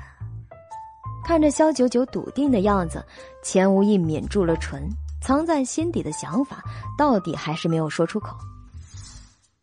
很快，肖九九搬到了剧组指定的宾馆，在前台拿下熊景事先安排好的房卡，一看自己住在三楼的最右角，那里紧邻着闹市街区，晚上一直到八九点都还很吵闹。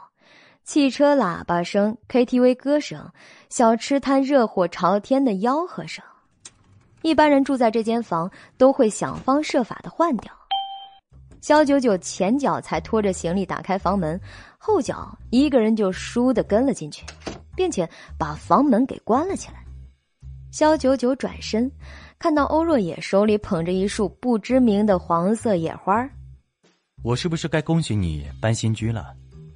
欧若野戏谑的说着，唇角一勾，眼睛看向桌子上，正好有个空花瓶，他便把那束野花插进了花瓶里。肖九九对他这种亲近感却是没有多大的抗拒，毕竟是在一起飙过车、打过游戏的兄弟嘛。那花哪儿采的？还挺香的。肖九九瞥了一眼那花瓶里的野花，被欧若野随手插出了一种莫名的艺术感。啊，就在我们剧组旁边的草地上随便采的。欧若也回想起自己采花的时候，因为偶像包袱太重，还左顾右盼了好久，特地等到没什么人了，才偷偷摸摸像做贼一样的去采了些。可就是这么不入眼的小野花，中途被要回宾馆的韩义珍看见了，竟然两眼放光，差点强要了去。若不是他急中生智，说这是粉丝探班送的礼物，这束花多半就保不住了。当然，这些事情呢，欧若也并没有说出来，让肖九九跟着添堵，那也是无谓的。行，花我收下，放好了你就走吧。肖九九眉毛一扬，示意欧若也可以从大门出去了。你这么绝情的吗？我才刚刚来，就迫不及待的要赶我出去。欧若也一只手捂着胸口，故作痛心状。很奇怪的是，跟小九九在一起的时候，他并没有多大的偶像包袱，有的时候甚至忘记自己是一个当红明星了。他总是不自觉的流露出最真实的样子，比如现在这副罕见的逗逼模样。嗯哼，还是说，你根本就是害怕孤男寡女共处一室，我会对你做出不可描述的事情。欧若也说着，步步逼近肖九九，身高的优势让他瞬间将他逼到了床边此情此景，就算再不吃荤的人，也免不得多想几分。可是肖九九却只是抬起了腿，冷飕飕的说道：“再演我就踢你了。”欧若也差点崩溃。他一个当红偶像、流量小生，只要随便撩一下妹子，任谁都会脸红心跳、遐想不停。这种情况下，绝大部分女人心里都会期待他真的对他们做些什么吧。可是肖九九竟然如此冷静，甚至绝情。哈，你踢我？你知不知道我浑身上下每个器官都上了保险？你要是没踢好，可能要赔一大笔钱呢。欧若也戏谑的勾唇，可肖九九却强势反向思维。这么说，只要我给你足够的钱，就可以把你浑身上下每个器官都踢一遍了？这女人。这女人是真的要把天儿都聊死吗？她这张脸这么帅绝人寰的，这也快挂不住了呀！你这女人是不是没谈过恋爱啊？我，如此不解风情，怪不得一天天只知道打游戏、飙车，玩那些男人玩的东西。我，你，你该不会是个变性人？